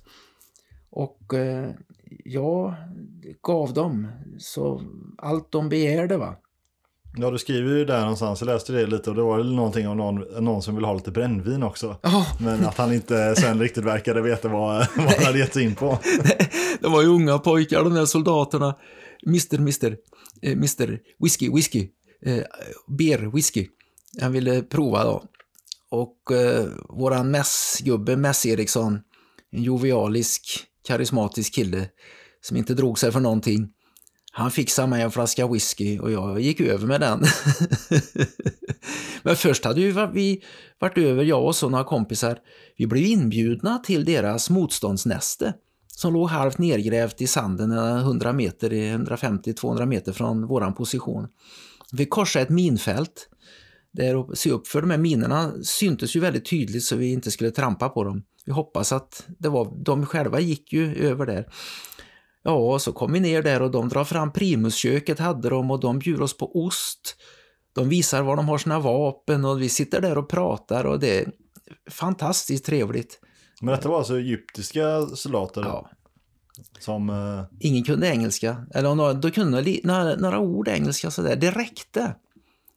Och vi eh, umgicks där och det var förbrödring. Jag tror jag tog över någon av dem över, jag fick se hur vi bodde där med eh, vårat kök och vårat mattält och vårat prefabhus och sånt. Det var ju inte det att eh, vi upplevde dem som något hot. Nej, för ni, ni var ju egentligen inte fiender utan ni var ju... Ja, FN-styrkan var ju bara en, eh, en eh, observationsgrupp Ja. egentligen. Då. Så att eh, jag kan tänka mig att det kanske inte fanns den hostiliteten där. Nej. Och sen när jag var på den här checkpointen, och det var ju på den enda väg som i någon mån var öppen mellan Afrika och Asien, Kantara Road. Och det var ju en, en oljegrusväg, kan man säga, som där två lastbilar kunde ju inte mötas utan den ena fick ju gå av vägen och sen var det smal väg. Och det blev ju en del trafik på den. Och på den egyptiska sidan där var det ju eh, de egyptiska officerarna som var där. Det var ju välutbildat folk alltså.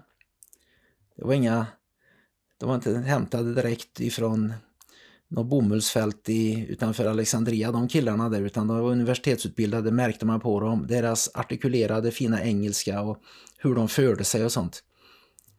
Att, eh, jag var ju sån här liaison officer ibland, fast jag bara var furir. Eh, och det var väldigt trevligt. Jag, jag hade väldigt lätt för att eh, bli vän med lokalbefolkningen där nere på den egyptiska sidan. Det var lite svårare faktiskt med israelerna. De, ja, eh, det var, jag förstår inte riktigt, de var lite eh, mera... Ja, verkar inte tycka om FN, om man säger så. Jag tänkte vi ska ta lite här eh, när ni eh, en av de första permisarna. Ja. Eh, för du har ju några utdrag här som är just om permiser. Jag tycker det är ganska intressant, det låter väldigt, väldigt skönt. Eh, sådär. Fredag den 16 februari. Sol, 28 grader. Åkte äntligen på min första permisresa. Det var en weekendresa genom Galileen. 352 kronor kostade den turen. Vi såg över i Netanya. Netanya. Netanya. Eh, att få se grönska och bördiga landskap för första gången på tio veckor var en upplevelse. Och så står det här då en liten notis. När transporten med oss som skulle på permis eh, i Israel kom till position 567 stannade vi och omlastade till en civilbuss. Innan vi fick gå över gränsen ställdes vi upp och tilldelades tre kondomer av märket RFSU Profil samt ett papper med adress och telefonnummer till de olika militärpoliskontoren i Israel. Vi som eh, köpte in oss på den här resan var mest intresserade av historia, kultur och teologi än av frestande och festande. När jag någon vecka senare gick till bataljonsläkaren Dr. Bergvall efter att jag hade ont i nederdelen av magen frågade han när jag senast var i Israel. Eh, Rommel, vi tar ett gonorréprov, sa han. När jag svarade att jag var, varit där ganska nyligen. Jag förklarade att det var på res, eh, jag förklarade att det var på resan som gick i Jesu fotspår genom Galileen. Jaha, jaså? Ja, då behöver du inte ta ett gonorréprov. Nej, det stämmer det. Ja. Ganska, ganska rolig och relativt målande utdrag här tycker jag. Jag har ju valt när jag skrev boken att eh, inte göra den direkt mustig. Va? Jag skulle kunna skriva lite mer om fres, fes, festande och frestande som jag själv inte ägnar mig åt i och för sig, så jag har ju ryggen fri på det sättet. Men en del var ju inne på mer frestande och festande.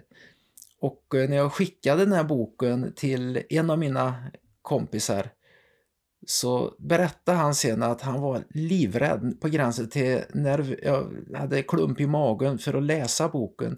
Men så tackade han mig sen för att du skrev den inte för att du skulle göra sensation, du skrev den för våra barnbarn. Ja, och det, det, är, ju faktiskt något som jag också tycker är väldigt eh, trevligt med boken. Att, eh, den är inte skriven på ett eh, ja, ett, ett vulgärt sätt eller på ett... Eh, ut, utan den är, den är väldigt förklarande. Mm. Och, och, och jag då som, som läser den förstår ju liksom förstår vad som händer och du skriver lite om att det är lite beachparty här ja. någonstans. är det en ganska rolig bild med någon som ligger på playan ja. där. Och, så man, man, man förstår ju hela konceptet alltihop ja. liksom, men den är ändå väldigt välskriven på det sättet. Ja, det, det är ju det att, att okej, okay, det var ju killar som åkte in till Eh, Eh, Israel då. De visste ju precis vart de skulle gå och det kom ju, som jag skrev i boken, eh, kvinnor som frilansade i den amorösa branschen. Vilket väl är en metafor för alla förstår vad de extra knäckte som. Eh, där. Men eh, det är ju så känsligt va? Det, så att eh, det finns alltid någon som vill gamla veteraner illa verkar det som. De vill leta upp det, att de här Kongo-veteranerna de utnyttjar kvinnor, de... Eh, ja, där va. Där. Ja, det, hur länge sedan är det? 60 år sedan. Varför ska du rota i den skiten nu? Det var en annan tid, det var andra attityder. Så att jag vill inte bjuda på det. Och eh, det hände väl att killar behövde äta penicillin för de hade varit i Israel. Så mycket kan jag säga. Det var därför vi fick de där tre kondomerna också, för det hade hänt. Och det var ju ett krav från Israelerna anklagade ju oss FN-soldater eh, för att sprida eh, gonorré till exempel då. Eh, men det var väl inte säkert att det var svenskarna som gjorde det för att det var ju FN-trupp uppe i Libanon när jag var där också. Då var det ju fransmän som var där också då, mycket in i Israel. Fransmän fick inte komma in i Israel. De hade ju slagit sönder en bar som heter Smulnig. Mm. Fullständigt massakrerat baren helt idiotiskt. Bara främlingslegionärer. Ja, men det, eh, för jag tänkte kolla lite det här med andra nationer som är, för ni, ni är ju eran svenska del. Ja. Men du skriver här sen om finnarna bland annat som ni mm. är hos, eh, är det två gånger? Jag var ju nere på, hos finnarna, jag tror tre gånger. Först så var det ju ett utby, utbyte. Att jag blev ju faktiskt, fast jag bara var furir, chef för en styrka på 20 man som åkte ner på utbyte och finnarna skickade upp eh, soldater till oss då. Och det var en enorm upplevelse att komma ner och träffa Pekka och Jorma och grabbarna där nere. Ja, du, du skriver, jag kan bara läsa det så kan vi hoppa in där. Eh, måndag 19 februari. Mulet med medelhöga moln och dis. Sikten är dålig. Det blev till snabbt packa väskan på morgonen innan den fyra timmar långa resan till Finnbat började. Jag blev utsedd till chef över styrkan på 20 man. När vi kom ner till finnarna blev vi väldigt väl mottagna. Välkomna till Finnbat. Här har vi två regler. Max två öl i bastun och så får man inte bära kniv på mässen. Resten lämnades till sunt förnuft, god uppfostran och det vanliga hyfs som vi förväntades ha. Man anordnade en fest på, för oss på mässen där vi fick dricka så mycket sprit vi ville utan att, utan att behöva betala för den med annat än en eventuell bakfylla. Jag höll igen och klarade mig nykter eh, kvällen igenom. Adevall och jag hängde, hängde på plutonchefen på efterfest hos kompanichefen. Mm. Eh, det kommer jag väl ihåg. Ja. Det var väldigt trevligt. Adevall, Kenneth Adevall, han är från Trollhättan faktiskt också. Vi är ju lite veteraner här i Trollhättan som träffas då på veterandagen och eh, går till våra minnessten som vi har här i Trollhättan. De är väldigt fint faktiskt. Och eh, sen går vi ut och på Bishops Arms eller något sånt där ställe och tar en öl och sitter och pratar. Då har vi våra baskrar på. Jag var ju med på veterandagen nu, Adevall och jag och någon till. Och då gick vi därifrån, som är närheten av kyrkan i Trollhättan, och så gick vi över Klaffbron och genom centrum där på gågatan. Och ungdomar, alltså det var så fantastiskt. Ungdomar kommer fram alltså, tonårspojkar. Hej, är ni FN-soldater? Tack för din insats, tack för din insats. Och tänker att det var ju... Var, de har väl fått höra det på något sätt då, att, att eh, förstå vad vi har gjort då. Det är fantastiskt att höra det. Det är kul att det är en trend som kanske förhoppningsvis ökar lite också. Ja, och, och det stod folk och applåderade när vi kom gående där. Det med baskrarna på då. Det är fint. Ja, det var faktiskt fint. Ja, det värmde något otroligt faktiskt. Det var det var första gången jag var med på den här kretsen av veteraner då från eh, Trollhättan, Vänersborg med omnejd som eh, samlas, samlas med den här minnesstenen och la ner någon blomma eller någon krans. Och tog lite bilder och stod och filosoferade där och sen eh, gick då vidare. Vi började bli uppskattade. Det är kul. Ja, det, jag tiden. minns ju eh, ett tv-program som gjorde mig rätt illa i själen tror jag var i slutet på 70-talet, början på, ja, slutet på 70-talet måste det varit. Gary Engman hette ju en sån här tv-personlighet. Han hade ju, gjorde ju vad han kunde för att eh, dra heder och vanära, eller dra, dra bort hedern och dra mer vanära över de svenska Kongoveteranerna. Han höll ju på, gjorde det programmet då med att hur svenskarna hade gjort det och det i Kongo och sånt där. Och detta var ju då åtminstone 17-18 år efter Kongomissionen var avslutad hålla på på det sättet. Eh, så att nu skulle vi aldrig göra det mot en Kongoveteran idag. Nu klappar du händerna och säger tack för din insats. Och det, jag är ju lärare på skolan.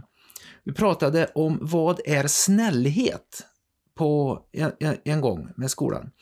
Då berättade jag det att kan man vara snäll när man anfaller någon med vapen i hand? Nej, det kan man inte. Jo, men då säger jag det. Svenska Kongoveteranen, eh, svenska FN-truppen i Kongo, det var, de sköt med granatkastare in i ett flyktingläger.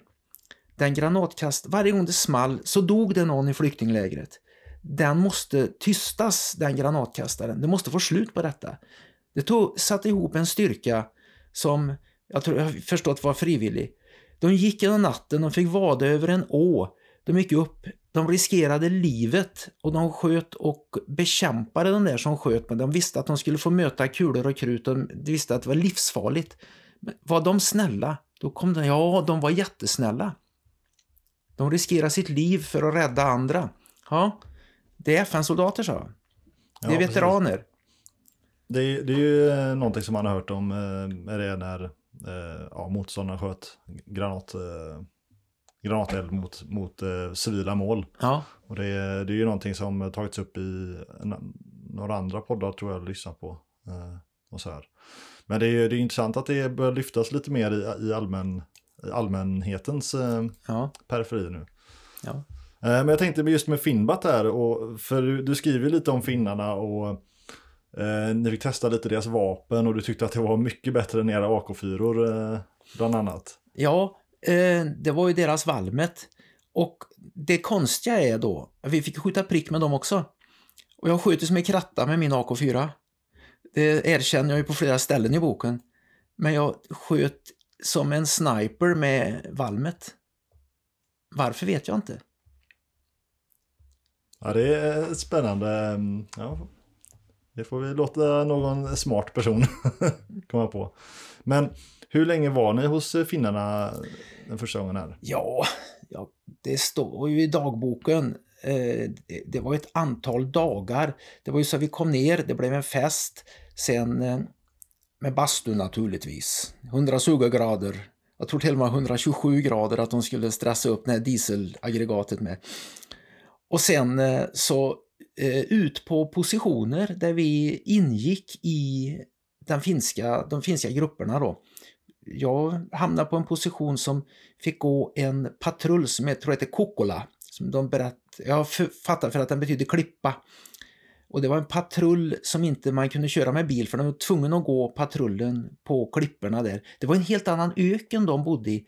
Det var ett betagande vackert landskap det också med sån här canyons, vadis och sandstensberg och allt sånt där.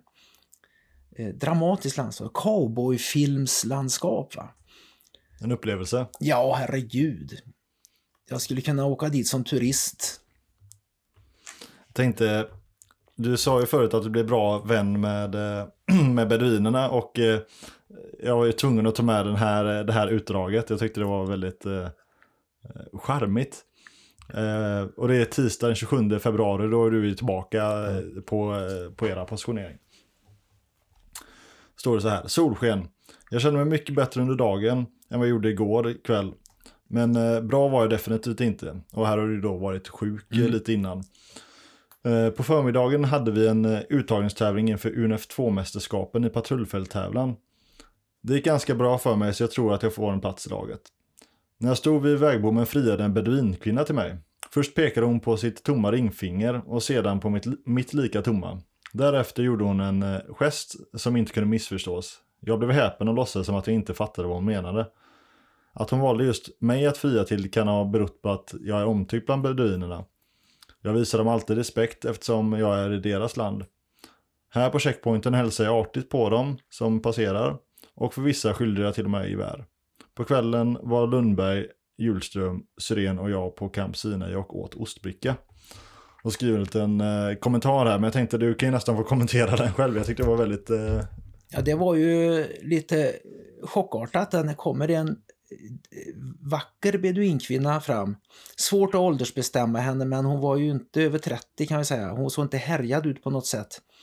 Ja, hon tog till och med min hand och tog sitt ringfinger och gnuggade på mitt vänstra ringfinger och sen tog hon, eh, tog hon mitt ringfinger och gnuggade på sitt vänstra och så tittade hon på mig och log Och så gjorde hon så här, hon pekade på mig, pekade på henne och så fram och tillbaka så här. Det var ju ett klart frieri. Och hon erbjöd ju det bästa hon hade att erbjuda. Och beduinerna i deras tradition att om, om de erbjuder någonting och man tackar nej, det är lite grann en skymf mot dem faktiskt. Och jag, jag ville ju inte, jag kunde inte gifta mig med henne, jag kunde inte skymfa henne. Men så min kompis Hindi som jag berättat om tidigare, eh, jag blev lite chockad. Alltså att jag frågade, när jag kom in till beduinbyn Balusa som låg då en mil bort, jag sprang in dit eller hur jag gjorde och letade upp Hindi och frågade vad betydde det? Och då sa han det att eh, det här var helt säkert ingen vanlig familjeflicka så att säga längre. Hon har förmodligen varit gift, kanske varit bortstött av sin man eh, eller något sånt där. Va? Hon har något stigma som eh, gör henne att andra män inte vill gifta sig med henne. Det kan ju också, tänkte jag då, vara en så kallat eh, försök att migrera till Sverige och få det bättre på det sättet att eh, eh försöka få en svensk FN-soldat att åka hem med. Det fanns in, inget, inte ett spår av prostitution i själva FN-zonen. Det fanns i, i, inte vid ett tillfälle hörde jag att till exempel att någon beduinkvinna var prostituerad och att man kunde förse sig för ett antal piastrar eller eh, egyptiska pund på det sättet. Så det, det fanns inte. De var väldigt hårda på alla sådana grejer. Där. Och moral och sådana där saker höll de stenhårt på. Kom i alla fall sen, några dagar senare, en eh, beduin, rätt ung kille, och frågade om jag var Larsson. Och sa det var jag. Och så frågade han det att, berättade han det att han hade en beduinkvinna som ville gifta sig med mig. And you can get, alltså jag kommer inte ihåg vad, three date palms uh, uh, if you date, uh, marry her. And you know they can give 200 kilos per year of dates. Så jag sälj in det med daddelpalmer. Att, ja, det, det var ju... Jo, han frågade mig först om jag hade någon flickvän i Sverige, om jag ville ha en flickvän och sånt, eller ville ha fru och barn. Det var, det var, det var en mycket märklig upplevelse. Men jag var ju tvungen att tacka nej till det också. Men däremot har jag ofta tänkt på den här beduinkvinnan som friade till mig. Hur hennes liv blev sen och hur det utvecklade sig. Hon borde ju vara då kanske i, ja men någonstans mellan 63 och 70 år någonting idag. Ja, det är sådana grejer man inte... Det är inte bara henne jag tänker på, jag tänker på Hindi som jag tappade kontakten med efter något år. Vi brevväxlade en hel del där. Jag tänker på en del andra beduiner då som jag utvecklade någon form av social relation med. Du hade ändå brevkontakt med honom eh, Jajamän. i början? Ja. ja, det var ju, finns ju i boken finns det ju ett, eh, en bild på eh, postkontoret i korrigerad plåt och med postmästaren Ahmed Ali Elawi som han hette. Och postmästaren och jag Eh, skrev lite brev till varandra också ett tag där. Efter jag har kommit hem till Sverige. För de bilderna jag hade tagit på beduiner de gick jag ju, det var ju på dia, men då gick jag ju och gjorde om då till vanliga papperskort. Och så skickade jag ner det till dem. Där. Vi eh, ska hoppa in i en liten annan eh, spännande grej som jag noterade när jag läste färdigt boken här. Och så fick jag liksom lägga upp ett och ett här. Och det har du också gjort i efterhand, verkar det som. Eh, och det är då ett utdrag från söndag den 4 mars. Höga tunna moln, 25 grader. Gick yxpaxet 00 till 06. Kunde inte somna på dagen, så jag for med hund-Karlsson till Camp Sinai och sprang tillbaka via Supply Road, 33 kilometer. Kände av nattpasset och så fick jag ett rejält jallanfall. Så sedan borta eftermiddagen och blev utsövd inför nästa yxpass. Sprang 11 mil på fem pass den här eh, gångna veckan. Och då står det här, ordet jalla hördes ofta när araber pratade med varandra. Det var också det första arabiska ord vi lärde oss och dess inner, eh, innebörd översätts lämpligast med skynda på. När den lokala bakteriefloran hade party i våra svenska magar kunde ett jallaanfall plötsligt slå till. Och då gällde det att vara snabb för att undvika ett hygieniskt, eh, en hygienisk minikatastrof. Vi var noga med renligheten och uppmanades att doppa händerna i Jodopax innan måltiden och efter toalettbesök. Men det hjälpte inte alltid. En del bakterier fick vi säkert i oss med maten. På varje pos- position fanns det två latriner. Dels den vanliga utedass, också jallamuggen, som kunde användas vid diarré. Latrinerna hade inte tak, detta för att vi dagligen brände ut dem genom att hälla i diesel och fotogen och sedan tända på. Då slog eldflammor som ibland kunde vara flera meter höga upp mot skyn eh, och eh, en rök med distinkt lukt blåste över nejden. En gång när jag låg på 553 rusade en nepa eh, nepalesisk FN-observatör in i mattältet och ropade Do you know I have a fire? Vi brände även ut p-röret. En, en soldat på ett annat kompani gjorde misstaget att göra detta med bensin. Röret som satt i en 45 graders vinkel i sanden blev till en eldkastare som svedde hans ansikte. Även Syren råk, råkade ut för ett tillbud när han pinkade strax efter att han trodde att elden hade slocknat. Det hade den inte.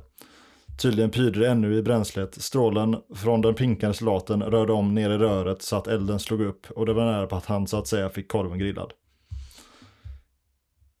Och det här eh, är lite intressant när du skriver om det för senare i boken så skriver du om när ni får ett vaccin. Mm.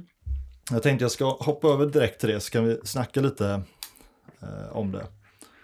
Då är det eh, ganska sent in här. Onsdagen 23 maj.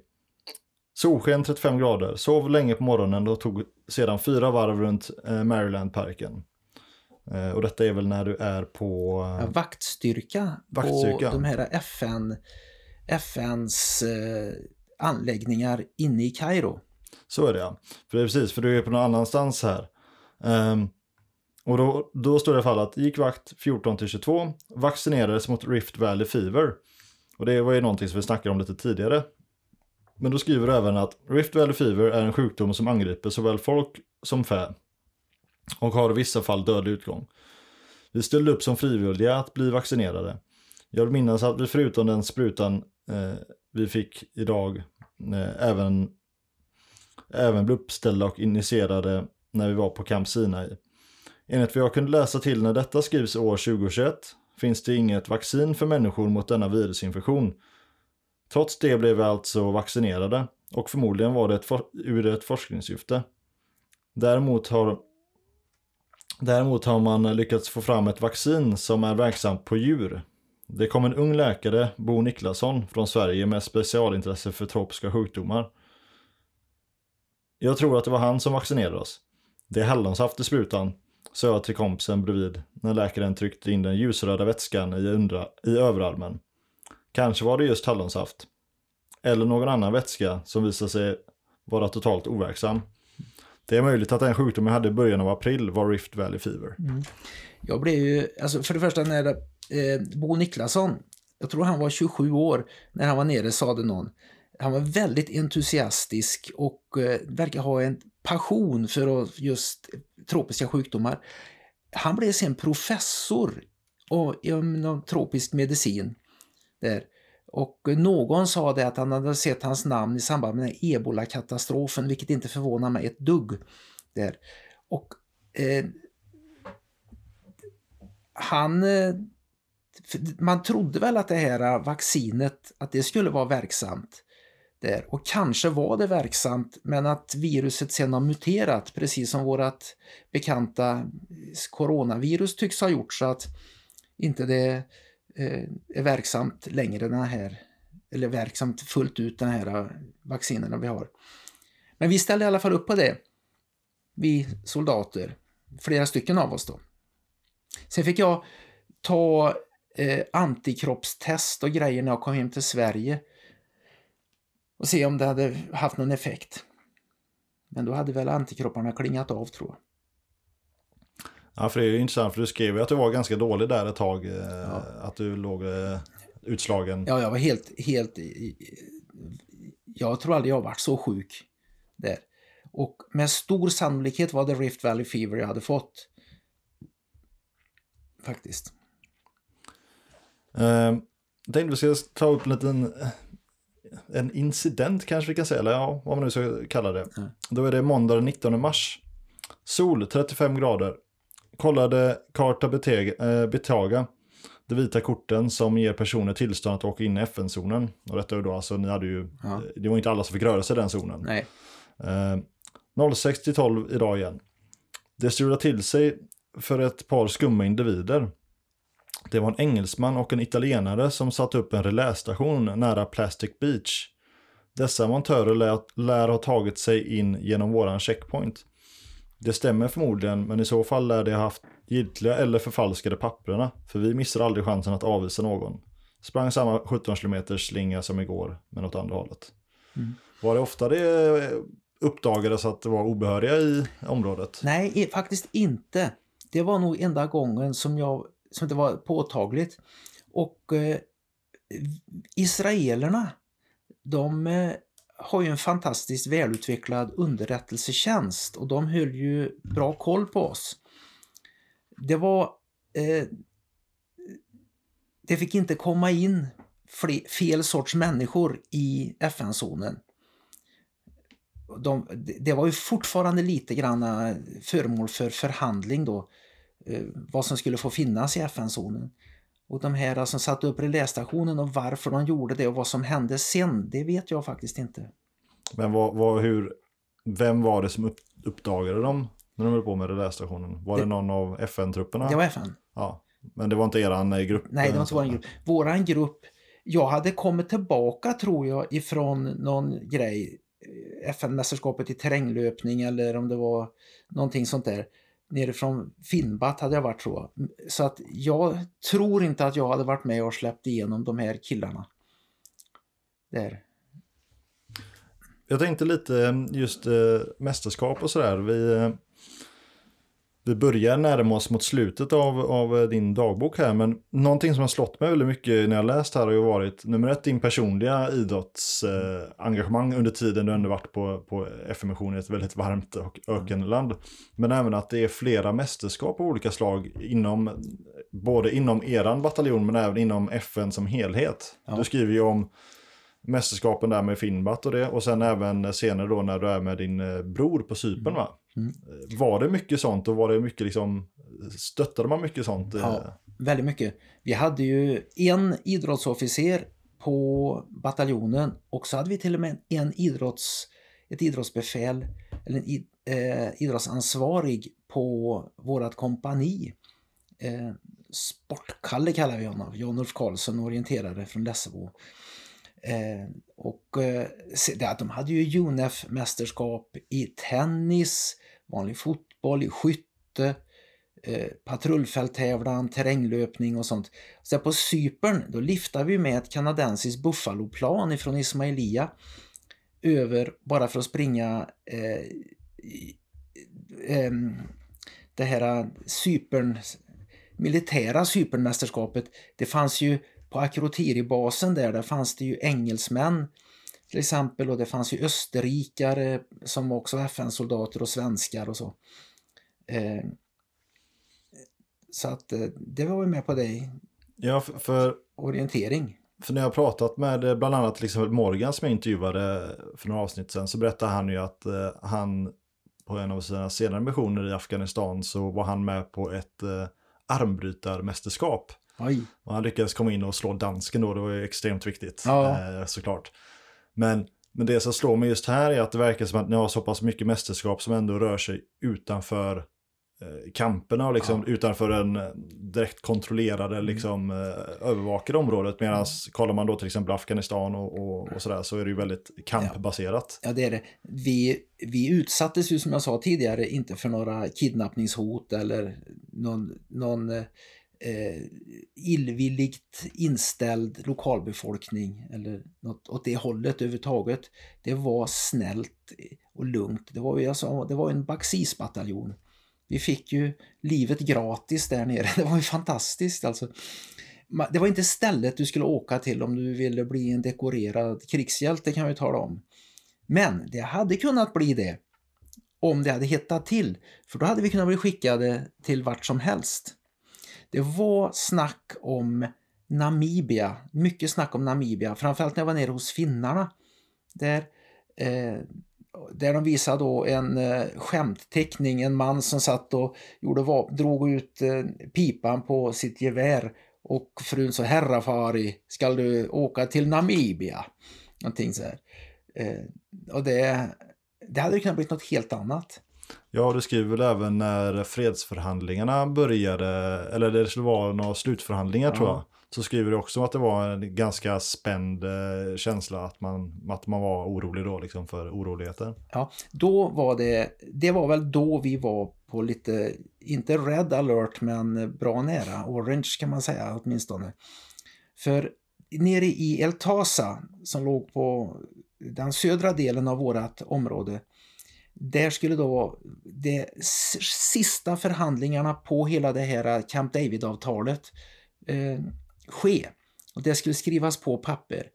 Det var eh, palestinierna kände ju att egyptierna hade svikit dem. Okej, okay, ni låter israelerna ta oss så att säga. Va? Varför kan ni inte eh, köra ett nytt krig så vi kanske kan få vårat, tillbaka vårt land som de tyckte då? Och eh, vi, det var sagt att det kan mycket väl bli sabotage mot de här eh, fredsförhandlingarna.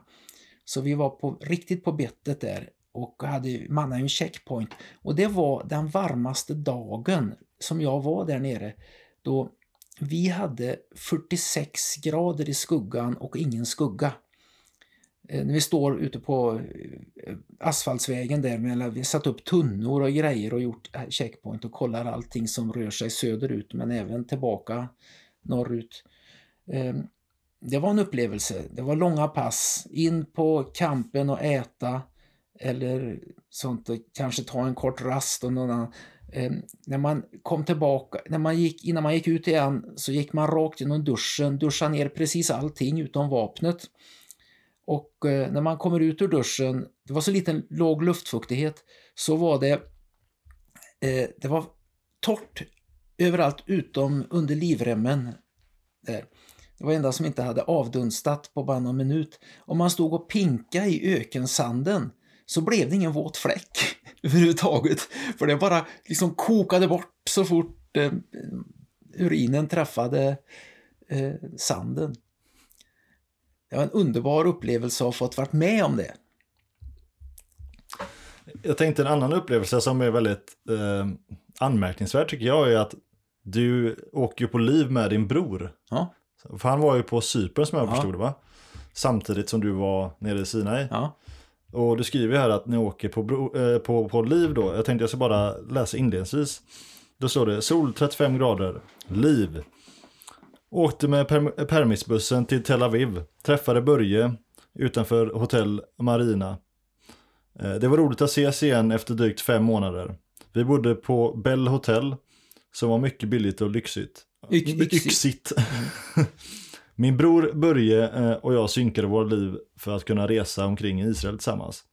Förmodligen hade vi inte tänkt på att vi valt att åka hit under påsken med allt vad det, vad det är i form av trängsel och svårigheter är att få tag på logi. Vad, hur funkar eran, hade ni bestämt innan ni åkte ner på mission eller brevväxlade? Vi brevväxlade. Alltså, det intressanta är att vi kunde ju inte ringa varandra. Eh, på den tiden. Nu snackar vi alltså, det är över 40 år sedan. Och så att all kommunikation vi hade, det gick ju med brev. Som först gick då hem till Sverige, från Cypern till Sverige och sen ner till mig och vice versa. Va? Från mig. Så vi fick ju planera detta och vi kom överens om ett datum. Okej, fick du liv då? Jag fick liv då, jag fick liv då. Att vi fick liv påsken, det kan ju varit för att ingen annan, alla andra var smarta nog att inte åka till Israel under påsken ja, det var ju rätt naivt av oss. Så vi träffades ju där då. Och det intressanta, vi, alltså, vi, vi var ju tvungna att ha ett klockslag och en plats. Och skulle strula för någon av oss så kunde vi ju inte få kontakt med varandra och berätta det att jag kom inte. Då hade man ju stått där och väntat, men det fungerade. Och det var samma som när jag flög över och skulle springa det här eh, Cypernmästerskapet i budkavleorientering. Eh, han visste ju inte om att jag skulle komma till Cypern. Så att eh, han sitter på ett lastbilsflak åker någon Cypern och där går jag och mina komp två kompisar som jag skulle springa orientering med på en gata i Larnaca och han kör förbi och säger där är ju Rune. Väldigt förvånad. Ja, för, för, för hur, hur många dagar var, var ni i, ehm, i, eh, tillsammans i Israel där? Ja, först var, åk, åkte vi ju till Israel eh, och, och till, sov över Tel Aviv, sen åkte vi till Jerusalem och det var på långfredagen. Det var sämsta dagen på året att åka till Jerusalem. Och sen åkte vi ner till Elat där vi låg och bada ett tag. Och sen så buss upp till Tel Aviv. Och sen hade jag fixat så han skulle få komma in i FN-zonen och eh, askultera så att säga hos mig där. Så att vi och då åkte vi runt i FN-zonen, våran kompanichef som det var lite kontroverser men han var väldigt schysst mot eh, mig och min bror måste jag säga. Ja, jag, jag har faktiskt en liten anteckning här. Jag tyckte det var väldigt kul. Du skriver att kompanichefens driver Jörgen Ahl var en attackdykare som nu fått ett av de bästa jobben på hela bataljonen. Tack vare att major Wahlbeck eh, ville ge min bror en så bra upplevelse som möjligt lånade han alltså bort sin jeep och chaufför. Tack för det, major Wahlbeck. Ja, det var, det var väldigt schysst. Så han ville liksom att ni, du skulle kunna visa din bror mm. din arbetsplats om man säger Amen. så. Så att eh, den här drivern, Jörgen Ahl, han körde runt oss i sin Willys Jeep eh, eller sin, jag vet inte, det var nog en Willys-Jeep tror jag, eh, med baksäte och allt. Han körde runt oss där i eh, ja, i princip en hel dag alltså. Och jag fick ju se platser som jag inte hade sett fast jag har varit där nere så länge. Det var ju kul. Och sen åkte ju brorsan och jag till Ismailia och var ju där och tittade. Det var ju en annan miljö så att säga. Ja, för du skriver ju väldigt tydligt om miljön när, det, när du är på liv där. Liksom. Ja. Hur det, det, ja, det var skönt att se grönt igen och mm. att det är liksom en, eh, lite likt Sverige skriver också eh, någonstans eh, mot slutet här. När du är någonstans. Jag kommer inte riktigt ihåg. Det räckte att det var grönt så var det liv, likt Sverige. ja, och sen, men jag glömde lägga en notis här, men du minns ju säkert, eh, du skriver ju om eh, när någon kommer och vill ha din eh, filmrulle. Oh, när de trodde att du var spion. Åh oh, herregud, det var, ett, det var ett trauma. Det hade kunnat gått åt skogen. Där, det hade kunnat fått eh, skasyp som vi säger, alltså att hela Swedbat hade nästan kunnat råka illa ut. Jag hade ju råkat illa ut av de som var på bild. Alltså, jag, jag, jag var väldigt intresserad av vad jag såg. Jag, jag tog för mig upplevelserna istället för att, att ligga och läsa FIB Aktuellt eller Lektyr och titta på Titty Posters så, säga, så gick jag ut på, i slummen när vi gjorde ett vaktjobb i Kairo. Och vi, eh, jag gick omkring där och jag hade ju en systemkamera då med diafilm så hade jag en liten sån här Rolly 35S hette den med inskjutbart objektiv. Den första kompaktkameran som kom. Den har svartvit film i den.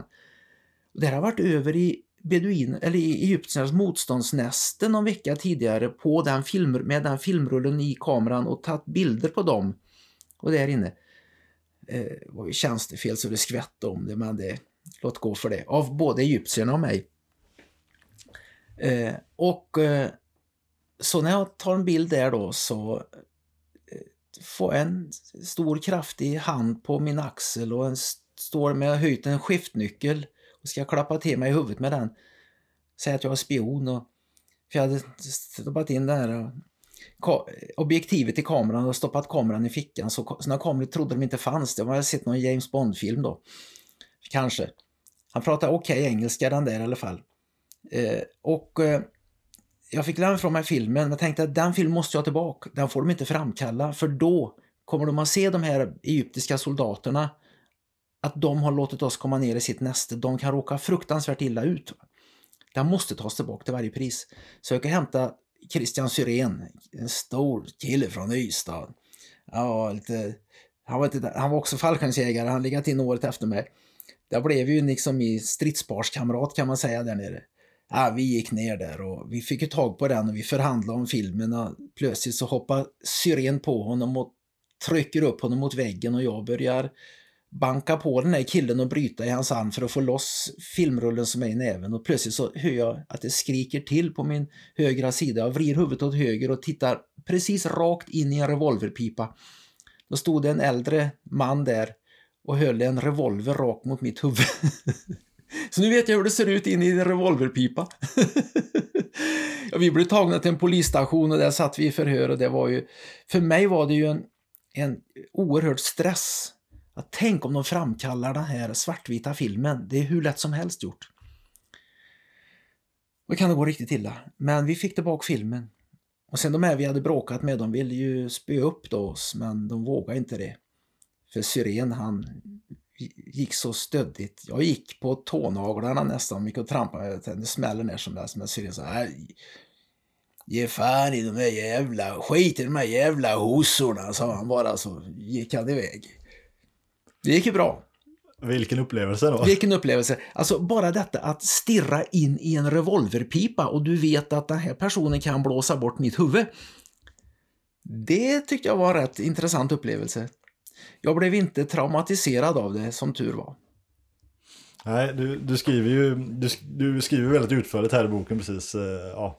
Och jag, jag tyckte det var väldigt intressant. Eh, en intressant eh, sak som händer, man tänker inte riktigt på, på sådana konsekvenser kanske när man åker ner heller. Att det är på en liv som det kan gå liksom käpprätt ja. åt helsike. Ja, precis.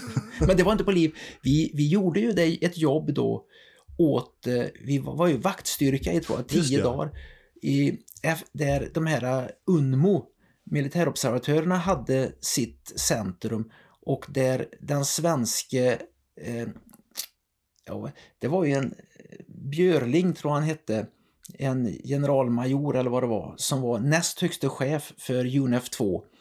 Där, där de, han bodde och så. Vi skulle vakta de ställena. Vi var väl en, ett, en grupp då som skulle göra det. Och eh, fick vi göra det. Det var som istället för att vara ute på en position så roterade vi till Kairo och sen in, in tillbaka till Sina igen. Och det var då på en ledig stund som jag gick ner där och tog lite bilder. Ja, tänka sig.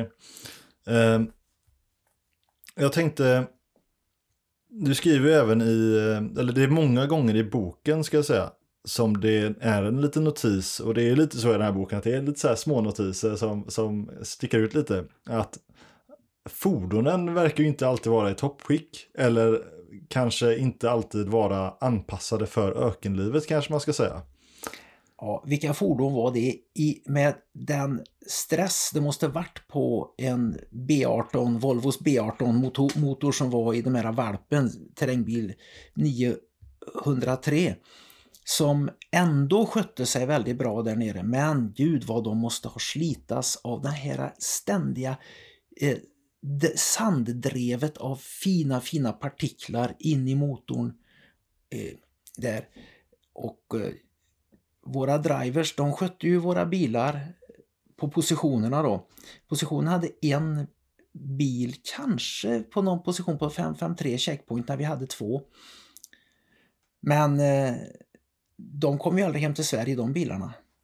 För att eh, jag tror inte de hade något, det var dy för dyrt att skicka hem dem. De, vi fick ju inte de bästa bilarna. En gång fick vi en fabriksny bil, jag vet inte vad det var för någonting och varför vi fick det, men det var ju gammalt, slitet och hade gått hårt alltså. Ja, för det är många gånger som står ja, och bilen gick sönder och ja. så de kunde inte komma och det var någon gång det var vattenbrist för någon bil gick sönder. Och, ja. och, och, det var ju eh, Pollog, polska logistikbataljonen, eh, de gjorde ju ett bra jobb på sitt sätt då. Men även deras bilar, de skulle ju gå till exempel den här positionen 554 som låg på en sanddyn och man fick köra dit på Gunnebonät. För att de här tunga tankbilarna skulle ta sig fram. Sånt så att det var, det var ett hårt liv på det sättet. Ja, jag noterar ju även, eh, du skriver något inlägg om, eh, eh, om materiel, alltså att, att era klädsel och era så här, inte riktigt var anpassade för det här öken, varma, kalla och fuktigheten som blev ibland på, på nätterna. Ja, det var ju när vi kom ner, den första tiden vi var där nere. Eh, när vi var på utbildningen där på Almnäs innan så var det en som höll ett föredrag som hade varit där nere och som sa det att den varmaste dagen och den kallaste natten i era liv har ni nu framför er. Och vi då, som varit eh, vinter, hade vinterutbildning uppe i Norrbotten där och varit ute i 28 grader, hade vi legat ute i snödrivor och såna saker. Vi har tittat på varandra, vad dumt, det var dummast jag hört den kallaste natten. Men vad vi satte det hånskrattet i halsen alltså. För det gick, eh, vi hade inte kläder mot de här kalla nätterna där. Det var den här fukten, man tittar mot en lampa till exempel, en gatlampa eller någonting som vi hade utanför postkuren. Och då såg man vattendroppar som svävade där. Man gick in och la sig i tältet, för där bodde vi i ryggåstält. Och eh, sängkläderna var fuktiga alltså. Ja, eh, för det, det, det var någonting nämligen som jag noterade här att du skrev just att eh, att ni fick eh, ta tillbaka det skrattet ja. lite grann. Ja, och eh, det var alltså eh, killar som när de hade varit inne på första permisresorna in till Tel Aviv, att då hade de köpt de israeliska truppernas jackor, park, en slags parkas, som israeliska soldaterna hade för att klara kylan. Jag tänkte, mot slutet av boken så skriver du ju sen att, du, att ni fick som erbjudande att eh, skriva på en till eh, mission. Mm. Och att du var ganska kluven där till hur du skulle, alltså hur du ställde dig till det. Ja. Eh, kan du berätta lite om det? Ja, det var det att eh, UNEF 2s mandat skulle ju gå ut en dryg månad efter jag Eh, Eh, skulle rotera hem till Sverige och eh, bataljon 72M skulle då hem och avrustas och ersättas av 74M, vilket senare blev 74ME för att de var ju mycket i Egypten då, den bataljonen som ersatte oss. Och eh, eh jag skulle jag stanna kvar, jag trivdes ju utmärkt med tjänsten och med kompisarna och med, eh, ja överhuvudtaget människorna där. Va? Skulle ha stannat kvar över sommaren där och eh, att eh, till den, jag tror, någonstans i slutet på juli som FNs, UNEFs mandat skulle gå ut. Men jag tänkte nej, jag stannar inte kvar för att nu har ju alltså fredsavtalet skrivits på och eh, eh vi har ingen uppgift längre. Det är bara att avveckla det som jag har levt i och trivts så bra med. Så att, nej, av känslomässiga skäl så valde jag att åka hem till Sverige. Ja, för du skriver sen att du åker hem och du, du skriver lite notiser här med att, att, komma, att komma hem igen. Ja. Och att eh, det liksom är, du säger det att eh, om jag kan beskriva med ett ord så är det grönt. Mm. Jo, eh, det var så att, att ja, hur var det att komma hem? Det kan jag beskriva med ett ord, skriva i boken, och det är grönt. För överallt så är grönt. Grönt, grönt, grönt, grönt, grönt. Och eh, jag har ju med i boken hur det kändes att... För jag, alltså, det hade ju bara varit den här eh, sandfärgade öknen. Så och kom vi in en kväll och det blir natt i Israel. Det var ju inte så mycket grönt där heller. Så skriver jag i boken om hur det var. Jag satt på styrbord sida vid fönstret och vi flyger in mot Arlanda och solen håller på att gå upp och skiner på furustammarna där. Och jag, det, den bilden är klistrad i mitt, eh, i mitt minne.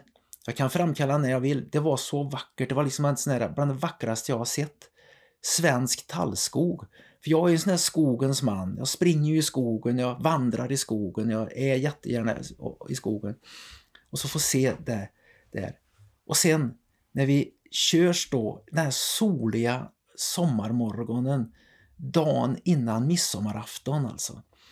Vi körs i buss mot Strängnäs tror jag det var vi skulle lämna in utrustningen eller om det var, jag tror det var Strängnäs, P10.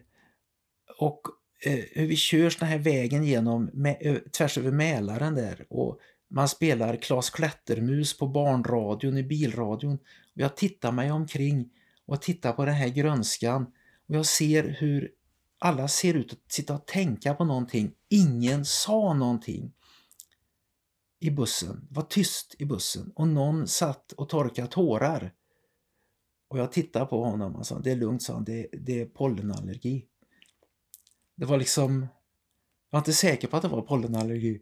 Antagligen var det inte Pollenallergi. Nej, för det var så emotionellt alltså. Okej, nu är detta slut.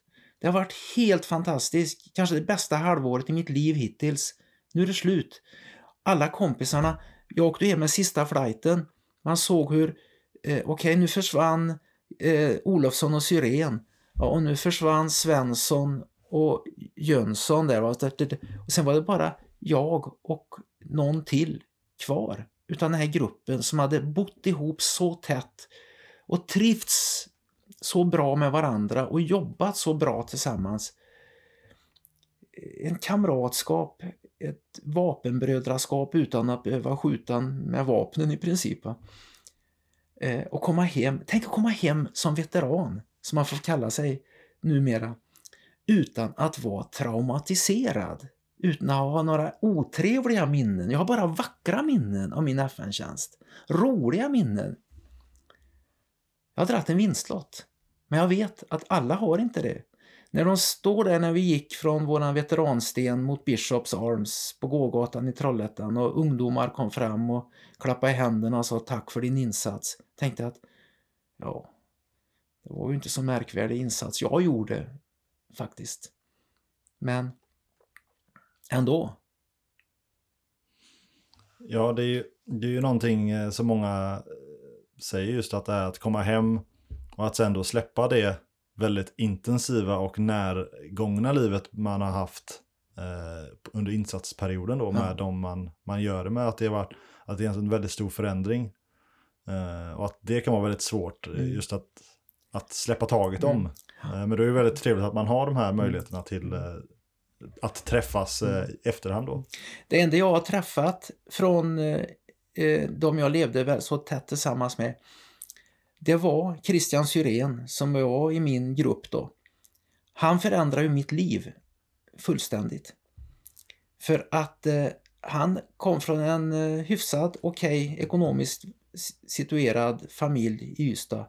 Så han skickade över honom till ett universitet i San Diego, United States International University, där han då skulle läsa psykologi. Eh, han var där, under det året han var där, mot slutet på det året, så står han i matsalskön och det står en kille intill honom, eh, när de börjar prata med varandra.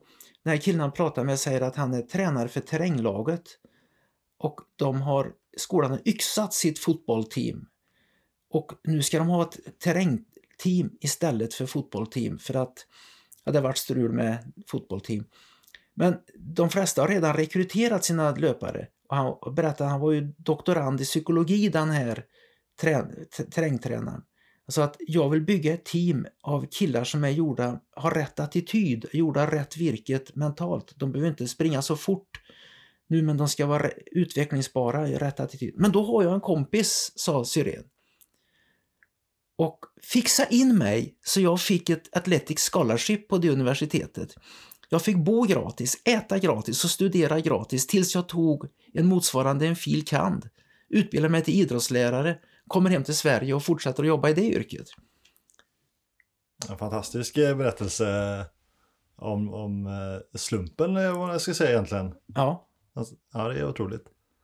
För jag, för jag tänker lite så här nu avslutningsvis här. Hur, hur ser du tillbaka på, på hela den missionen och hade du, hade du ambition att åka på en till mission sen? Eh, eller hur, hur, hur tänkte du? Kände du att det var ett färdigt kapitel? Eller? Nej, absolut. Absolut ny mission. Eh, jag kände när jag skulle gå fjärde året på fyraårig teknisk, mitt sjätte år på gymnasiet som utbildar mig inom byggbranschen, då kände jag att det vill jag inte göra.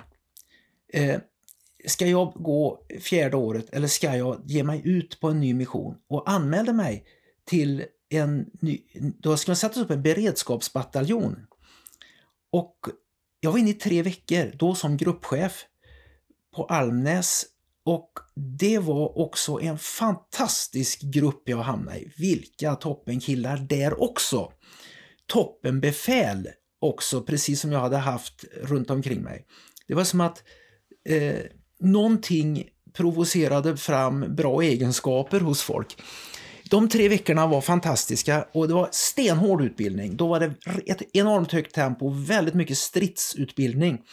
Och det sa de att vi vet ju inte var vi ska sättas in. Då var det snack om Namibia, precis som det hade varit när jag var nere på min mission då. Detta är nu på senhösten eh, 1979. Jag kom ju hem till midsommar 1979. Eh, det skulle kunna vara Östtimor, skulle det också kunna bli. Att man skulle kunna sätta in FN-trupp och då skulle Sverige kunna hänga på och ta det.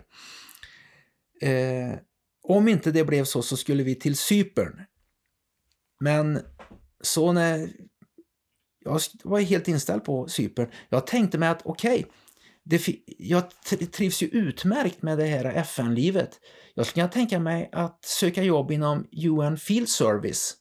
Som den här hund-Karlsson som jag berättade om, eller som står våra hundförare, ehm, eh, Jan Karlsson. Han har ju levt hela sitt liv med UN Field Service. Han bor i Uganda nu, har fru och barn där.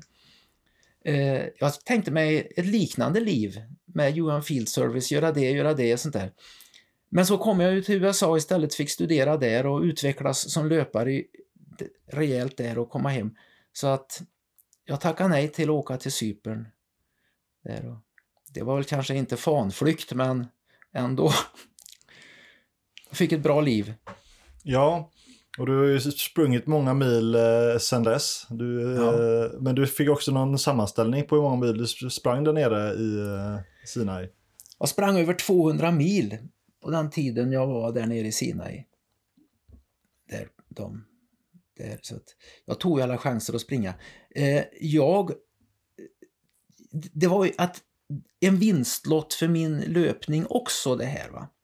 Tänk dig att jag får komma ut... Jag, jag är på en mission där allting är så vänligt och fredligt så jag får springa precis var jag vill. Nu fanns det ju miner lite drällt överallt så jag sprang ju bara i minpikade patrullspår och på vägar och sånt.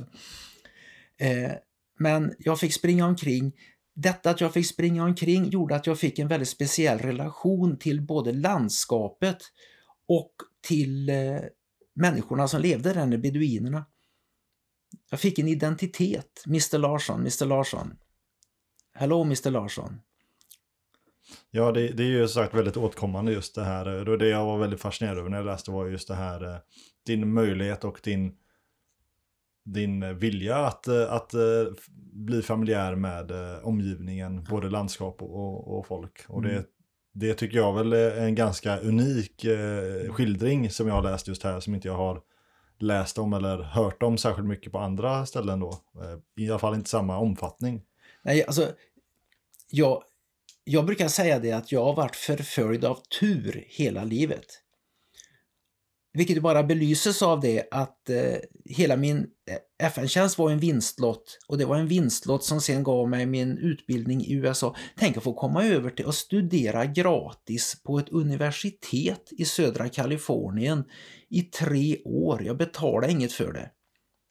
Men de pengarna jag snålade ihop när jag var FN-soldat i Sinai. Jag tror att jag fick hem 23 000 kronor. Det låter inte mycket idag men ja, gå tillbaka 42 år i tiden så var det en ansenlig summa i alla fall.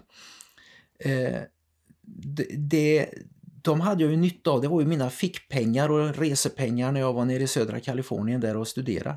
Och att jag hade pengar så jag kunde starta ett liv när jag kom hem från USA sen. Tänkte vi har kört på lite över två timmar här nu så jag tänkte avslutningsvis, är det någonting som du tänker på som vi inte hunnit få med? Som sagt, vi har inte, vi har inte gått igenom hela boken från, eh, från eh, perm till perm såklart. Mm. Men är det någonting som du tänker på som, som du skulle vilja ta upp eller få med? Nå, vad skulle det vara? Eh, det, det var väl det att eh, jag kom att jag har haft en fruktansvärd tur med min FN-mission. Jag vet att genomsnittlige veteranen har inte haft det så lika komfortabelt och lätt som jag, som jag kunde röra mig så mycket fritt. Va? Eh, de har haft bättre mat får jag hoppas. Det kan jag nog säga. Ja, men det, det tror jag har blivit bättre med åren när jag har pratat med folk. Ehm, Men du, som sagt, du driver ju också en egen podd. Ja. eh, Där du snackar om just löpning. Och det är som sagt, det är väldigt återkommande i din dagbok här. Och har varit återkommande i hela ditt liv som jag har förstått det. Ja. Vad, vad, vad, vad heter podden? Runes löparpodd. Och det är inte bara löpning, utan det finns ett visst antal människor som jag vill dokumentera. Jag, som bara det faktum att jag skriver dagbok och skrev den här boken, det är ju att jag är en dokumenterare. Jag är en person som säkert av samma anledning som du gör den här podden. Vissa grejer ska dokumenteras, det ska bevaras till eftervärlden. Och deras röster och deras upplevelser de, det är mycket äldre idrottsmän som jag har haft med i min podd. Till exempel Erik Fåglum, en av de legendariska fyra cyklisterna från Vårgårda, Fåglumbröderna. Jag har haft eh, Meri Bodelid, Sveriges kanske mest fantastiska kvinnliga konditionsidrottare genom alla tider, i alla fall den mest mångsidiga. Eh, Evi Palm som maratonlöpare, eh, Kjell-Erik Ståhl, jag har haft Dan Wern som i slutet på 50-talet hade världsrekordet på 1000 meter och en, en av världens bästa medeldistanslöpare. Som i, i vår tid, vår generation, håller på att glömma bort. Va? Men det, de är då 70 plus, 75 plus skulle jag vilja påstå, de är alla jag har räknat upp där. Det är dags att någon dokumenterar vad de har att säga. Jag har gjort det. Och var hittar man den här podden? Den finns där poddar finns. Eh, den finns eh, på vad är det, Libsyn, eh, Spotify, några av, de flesta poddar finns på Youtube också. Den podden som, de poddarna som har fått mest eh, uppmärksamhet och haft mest lyssnare, och det är flera tusen, det var de poddarna jag gjorde med skridskoåkaren Nils van der Poel.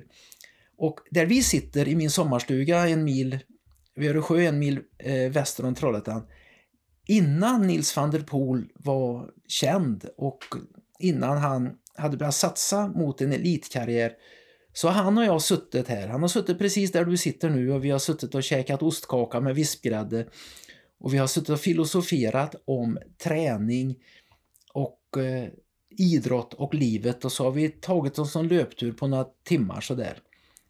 Eh, så att eh, han har ställt upp på två poddar. En podd 2019, och innan någon visste vad Nils van der Poel var nästan. Men jag förstår att det här är, killen är inte som andra. Och sen en podd som jag spelade in en vecka efter han hade vunnit dubbla guldmedaljer på VM. Det var också här ute vi spelade in den podden. Ja, så vill ni lyssna på det så får ni ju så, eh, såklart eh, kolla in då eh, Runes löparpodd. Ja, Eh, och då kan ni ju kanske få lite inspiration till träning, ni som, ni som känner att ni kanske behöver komma igång med det. Ja, det är inte så mycket jag pratar om träna så här, träna så här. Det tänker jag göra på en Youtube-kanal som jag tänkte dra igång istället. Och det är... Filosofin är gör det enkelt. Och det var så vi gjorde nere i Sinai. Hur enkelt var inte allting där nere? Jag menar att du hade inget sofistikerat, du hade inga, inte det, de finaste materialen, men vi fick göra vad vi gjorde med det vi hade. Jag tänker att de orden kan nästan få vara avslutande för eh, podden. Jag tycker att det kan sammanfatta ganska mycket av eh, den eh, historien du berättar. Jag skulle passa på att tacka dig för din insats, för det du har Och gjort. Jag tackar dig för att du bryr dig om veteraner.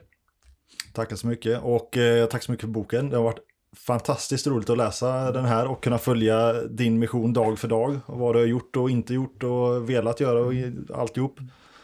Ehm, och detta blir ju då säsongens eh, sista avsnitt, eh, passande nog. Eh, men som sagt Rune, jag tackar så jättemycket för att du ville vara med. Eh, och så får vi kanske höras eh, framöver här igen. Det hoppas jag. Ja, ha det gott! Tack. Och med det så skulle jag vilja tacka dig som lyssnar på den här podden. Jag eh, tänkte ha ett litet säsongsuppehåll nu över jul och nyår. Och tänkte återkomma i januari igen. Vill du stötta podden så kan du enkelt göra det genom att dela den här podden med vänner eh, på sociala medier eller med bara folk du känner. Vill du även hjälpa mig att eh, fortsätta göra den här podden, möjliggöra mina resor till intressanta intervjupersoner så eh, kan du gå in på Patreon där podden finns under samma namn. Tack för din insats. Har du andra förslag på hur du ska kunna hjälpa till med podden så hör jättegärna av er på mejlen info at tackfordininsats.se Det är även till denna mejladressen som ni kan skicka förslag på intressanta intervjupersoner eller andra saker ni vill lyfta till mig här på podden. Men fram till nästa avsnitt så får jag önska er ett gott eh, nytt år. En trevlig julperiod. Och så som sagt, passa på att klicka på följ-knappen där då så att ni får upp när jag släpper eh, nästa säsongs eh, avsnitt. Så ni inte missar det. Så ha det gött, så hörs vi av framöver.